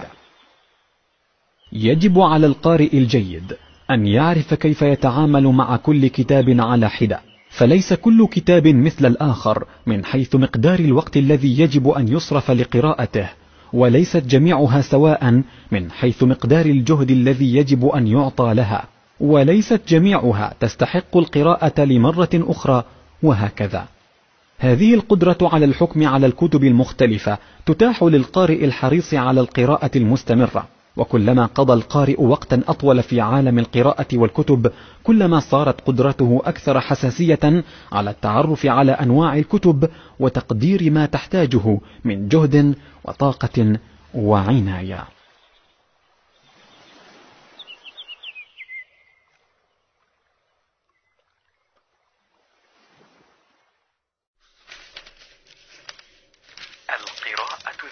القراءة الذكية. الباب الخامس. أنواع القراء. الفصل الأول. أصناف القراء. يتفاوت ويختلف الناس بعضهم عن بعض في مقادير إقبالهم ورغبتهم في القراءة وفي مقادير انتفاعهم بالقراءة. ويمكن أن نجعل الناس وعلاقتهم بالقراءة في سبعة أصناف. أولا العاجزون عن القراءة. وهؤلاء هم من لا يستطيعون القراءة بسبب أميتهم وهذه الشريحة وإن كانت لا تزال كبيرة جدا في عالمنا العربي حيث يشير تقرير التنمية الإنسانية العربية للعام 2002 إلى أن معدل الأمية في العالم العربي هو الأعلى في العالم أجمع.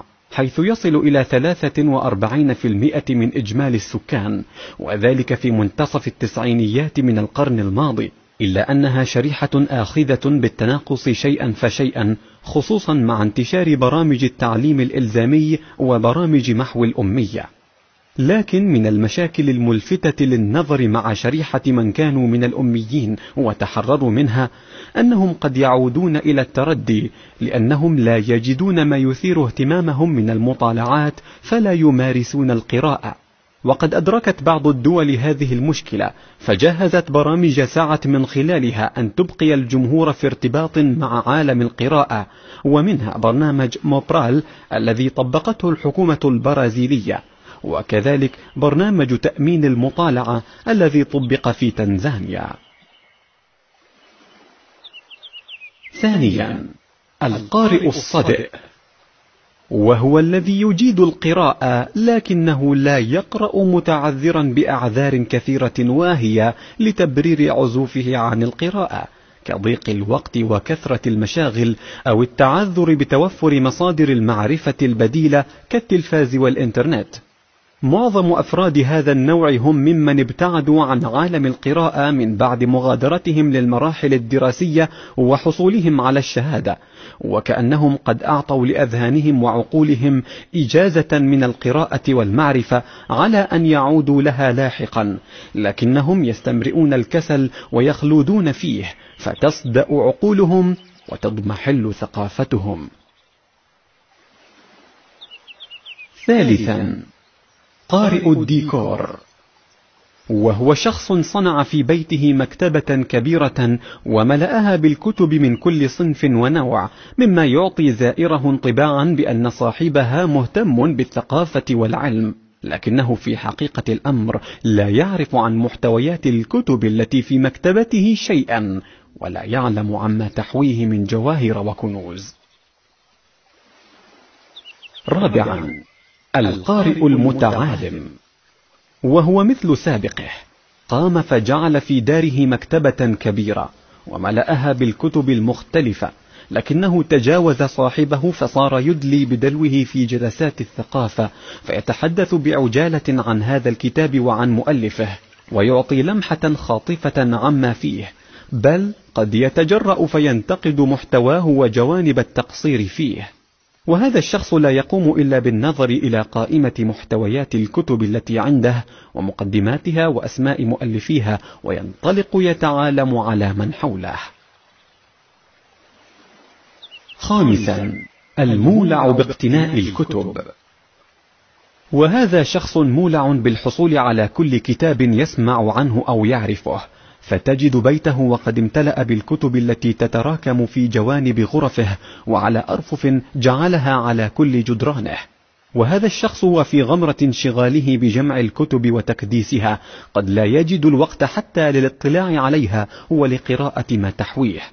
لكن الأمر على سوءه في هذه الحالة يحتوي على فائدة وهي أن هذا الشخص وبعد رحيله سيترك تركة غالية قد تكون ذات فائدة لأولاده وورثته ولمن خلفه.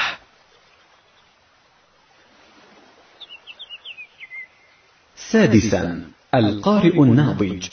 وهو القارئ الذي يمتلك حماسة صادقة للقراءة ومعرفة كافية بأساليبها المختلفة وإدراكا لمصادرها المختلفة.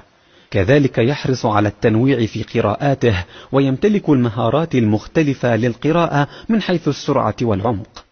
هذا القارئ ومع تقدمه في مستويات القراءة يصل إلى أن يبلغ من النضوج مرحلة يتمكن خلالها من استخدام كل المعلومات التي تمر عليه ليدرك مقاصد الكتب المباشرة وغير المباشرة كما أرادها المؤلف. ويقدر من خلالها على صهر الأفكار الجديدة المكتسبة مع خبراته الماضية ليرى الأمور من زوايا جديدة وآفاق أكثر رحابا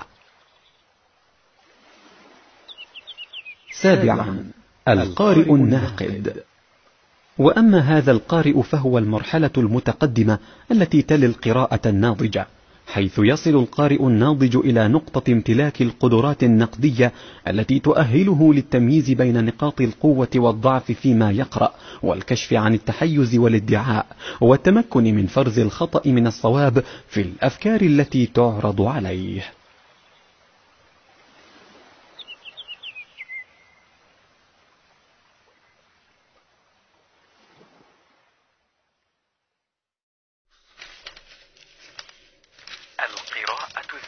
القراءة الذكية.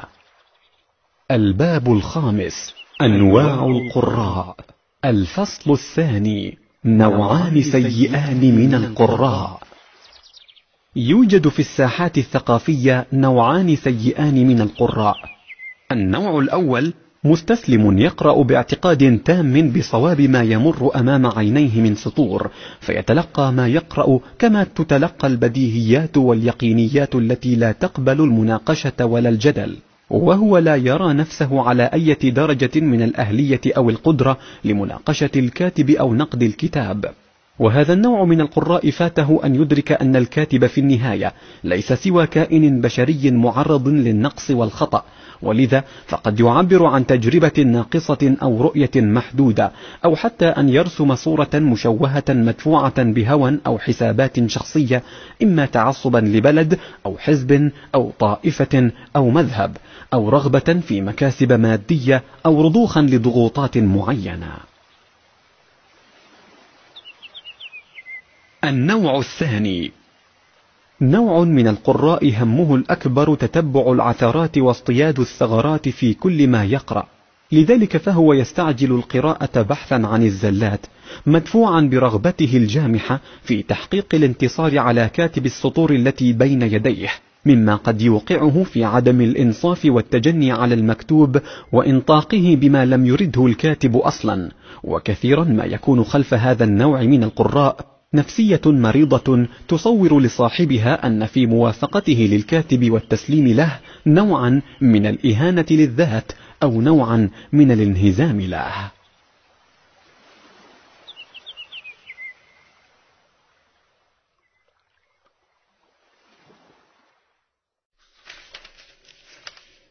القراءة الذكية. القراءة الذكية. الباب الخامس. أنواع القراء. الفصل الثالث. كيف تنتقي كتابا؟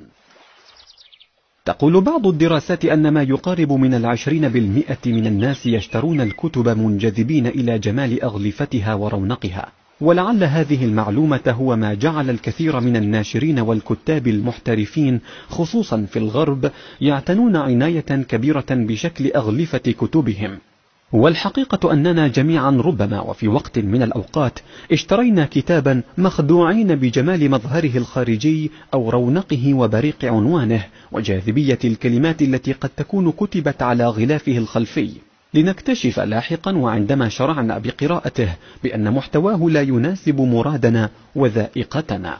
والسؤال هنا أهناك وسيلة تمكن المرء من اختيار الكتاب الجيد والمفيد فعلا قبل القيام بشرائه؟ والإجابة هي بالطبع نعم. هناك خطوات بسيطة وسهلة يمكن لكل شخص أن يطبقها على أي كتاب يقع في يده ليعرف إن كان سيناسب حاجته وذوقه أو لا. لكن الكثير من الناس حتى بعض القراء المخضرمين وهنا المفارقة يتجاهلون هذه الخطوات فيقعون بين الفينة والفينة في فخ اقتناء كتاب رديء آخر. وقد تطرقنا لهذه الخطوات سابقا في باب قراءة الكتب الكبيرة والمراجع حيث إنها تستخدم أيضا كخطوات مبدئية وسريعة قبل الشروع في دراسة الكتب الكبيرة.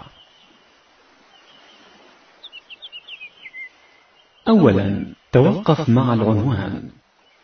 يجب على المرء وعندما يمسك كتابا جديدا بيده أن يقوم بالخطوات البسيطة التالية. أن ينظر أولا إلى عنوان الكتاب وأن يتساءل عن المقصود من ورائه. وهل العنوان يدل بالفعل على محتوى الكتاب أم أنه عنوان يحمل معان غير مباشرة؟ كثير من عناوين الكتب لا تدل على ما تحويه خصوصا الكتب الغربية المترجمة والتي تستخدم هذا الأسلوب للتسويق.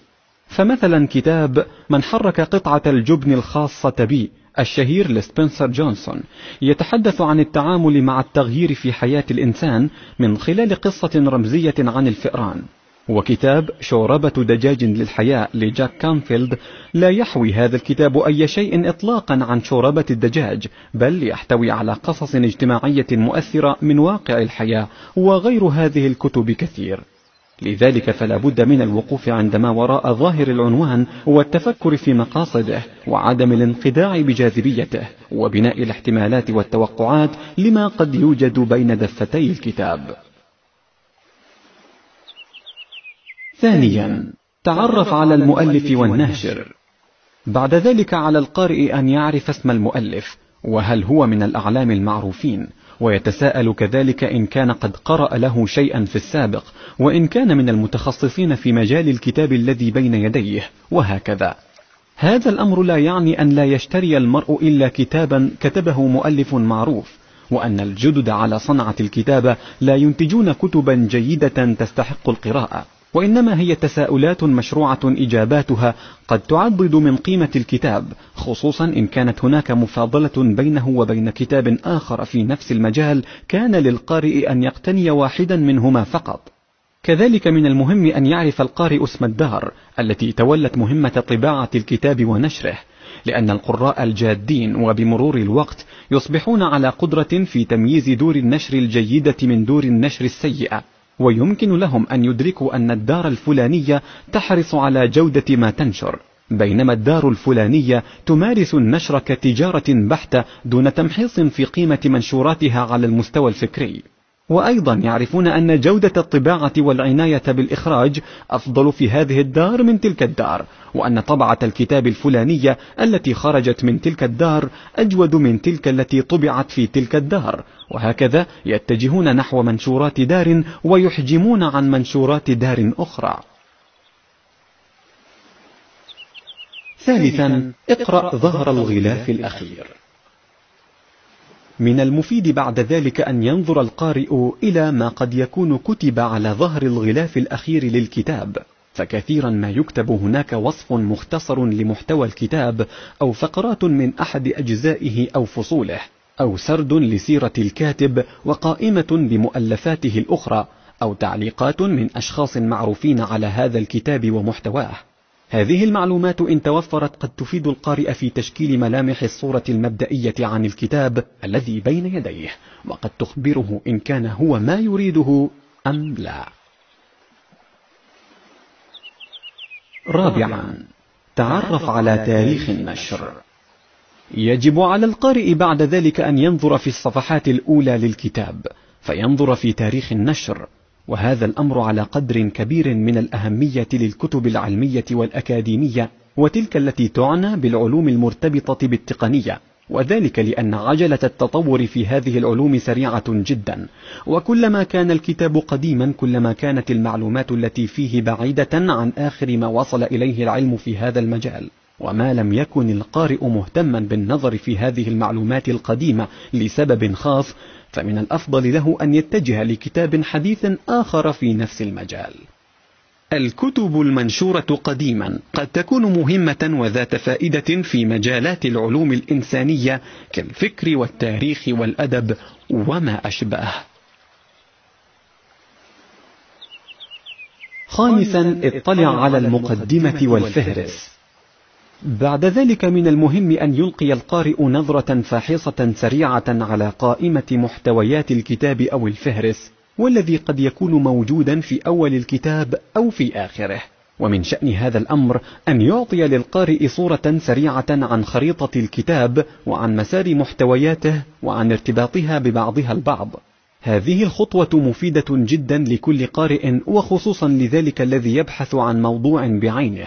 فبنظرته السريعة على الفهرس واتجاهه من بعد ذلك إلى الفصل المقصود للنظر فيما هو موجود فيه سيقرر القارئ إن كان سيعزف عن شراء الكتاب أو يشتريه. وأيضا من بعد ذلك فمن المهم أن يقرأ القارئ مقدمة الكتاب قراءة سريعة ليتعرف على ما فيها. كثيرا ما تحوي المقدمة تعريفا بمنهج الكاتب في كتابته لكتابه أو لدوافعه من وراء ذلك أو توضيحا للفلسفة الكامنة فيه هذه المعلومات وغيرها مما قد يكون موجودا في المقدمة قد تشكل نقطة فاصلة في قرار اقتناء الكتاب أو تركه لغيره. سادسا استعرض فقرات الكتاب بعجالة. يمكن للقارئ بعد ذلك أن يمر بعجالة على الفقرات الأولى والأخيرة من الفصول أو الأقسام المختلفة في الكتاب. فمن شأن هذا الأمر أن يعطي صورة أكثر عمقا عما يوجد في الكتاب من معرفة وأيضا أن يعطي تصورا كبيرا عن أسلوب الكاتب سواء على مستوى اللغة من حيث بساطتها وسهولتها أو صعوبتها وتقعرها وأيضا على مستوى عمق المادة ومدى ملائمتها لمستوى القارئ الفكري ولاهتماماته بعد قيام القارئ بهذه الخطوات فإنه سيتمكن إلى حد معقول من تحديد قيمة الكتاب الذي بين يديه وسيكون قادرا على الإجابة على سؤال إن كان هذا هو الكتاب الذي يلائم مبتغاه وحاجته وذوقه أم لا؟ هذه الخطوات وإن بدت طويلة بعض الشيء للوهلة الأولى إلا أنها تصبح ومع ممارستها ملكة من الملكات الفطرية التي يمارسها القارئ عند وقوع كتاب جديد بين يديه وهي ملكة عندما يتحصل عليها القارئ ستوفر عليه الكثير من المال والجهد والشعور بالإحباط.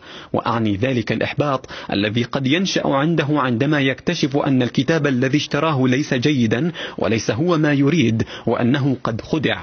وليس أسوأ من ذلك الشعور بوجود كتاب رديء في مكتبتك تود لو أنه لم يكن موجودا فيها كما أن القراء يعلمون أن التخلص من الكتب ليس شيئا سهلا.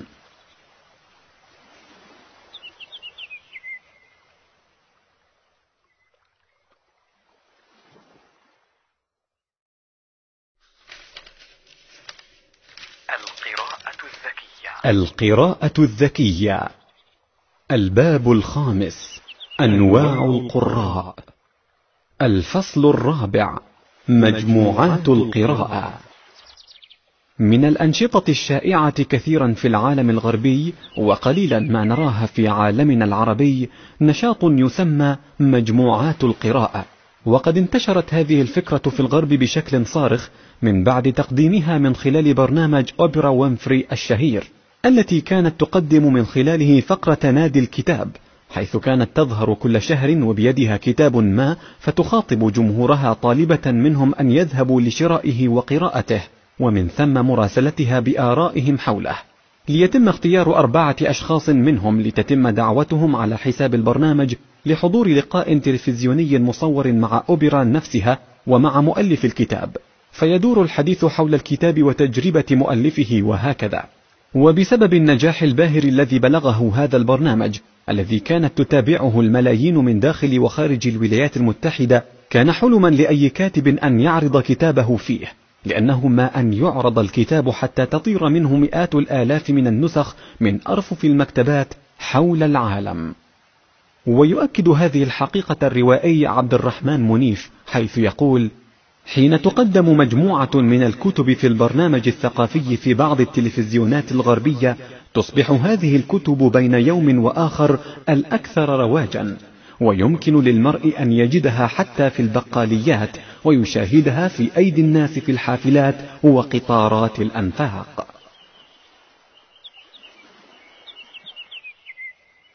أسلوب مجموعة القراءة تقوم فكرة مجموعة القراءة على أن تتفق مجموعة من الأشخاص ممن يجمعهم حب القراءة والرغبة في قراءة كتاب ما على البدء بقراءته بشكل متزامن كل على حدة بانفراد.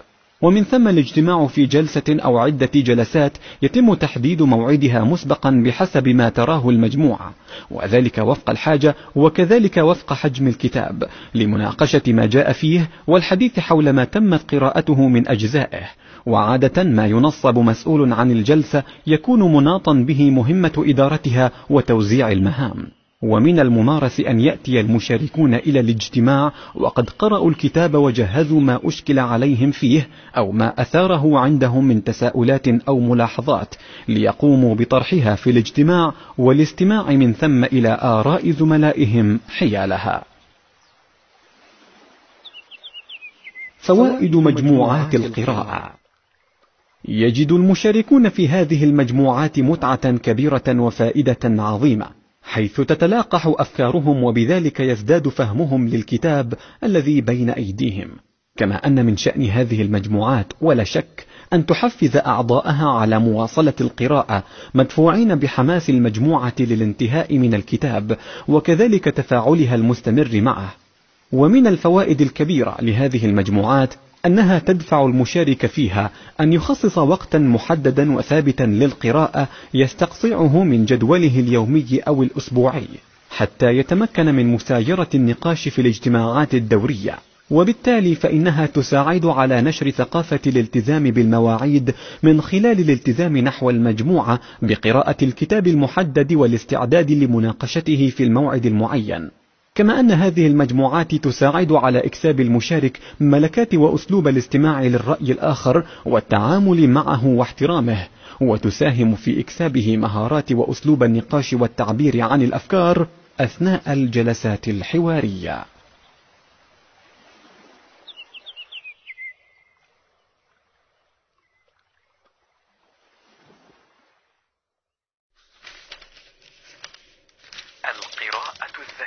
القراءة الذكية الخاتمة. وأخيرا قارئ العزيز مستمع العزيز أكون وصلت بك إلى نهاية هذه الرحلة في كتاب القراءة الذكية. هذا الجهد المتواضع الذي أتمنى أن يكون فيه إضافة إلى المكتبة العربية في هذا المجال المهم. وأعلم بأن هذا الكتاب وعلى الرغم من كل مرات المراجعة والتتبع وتصويب الأخطاء التي مر بها لا يزال يعتريه ما يعتريه من أخطاء. حاله في ذلك حال كل جهد بشري قاصر بطبيعته. فأرجو المعذرة عن ذلك أيها القارئ الكريم أيها المستمع الكريم. راجيا.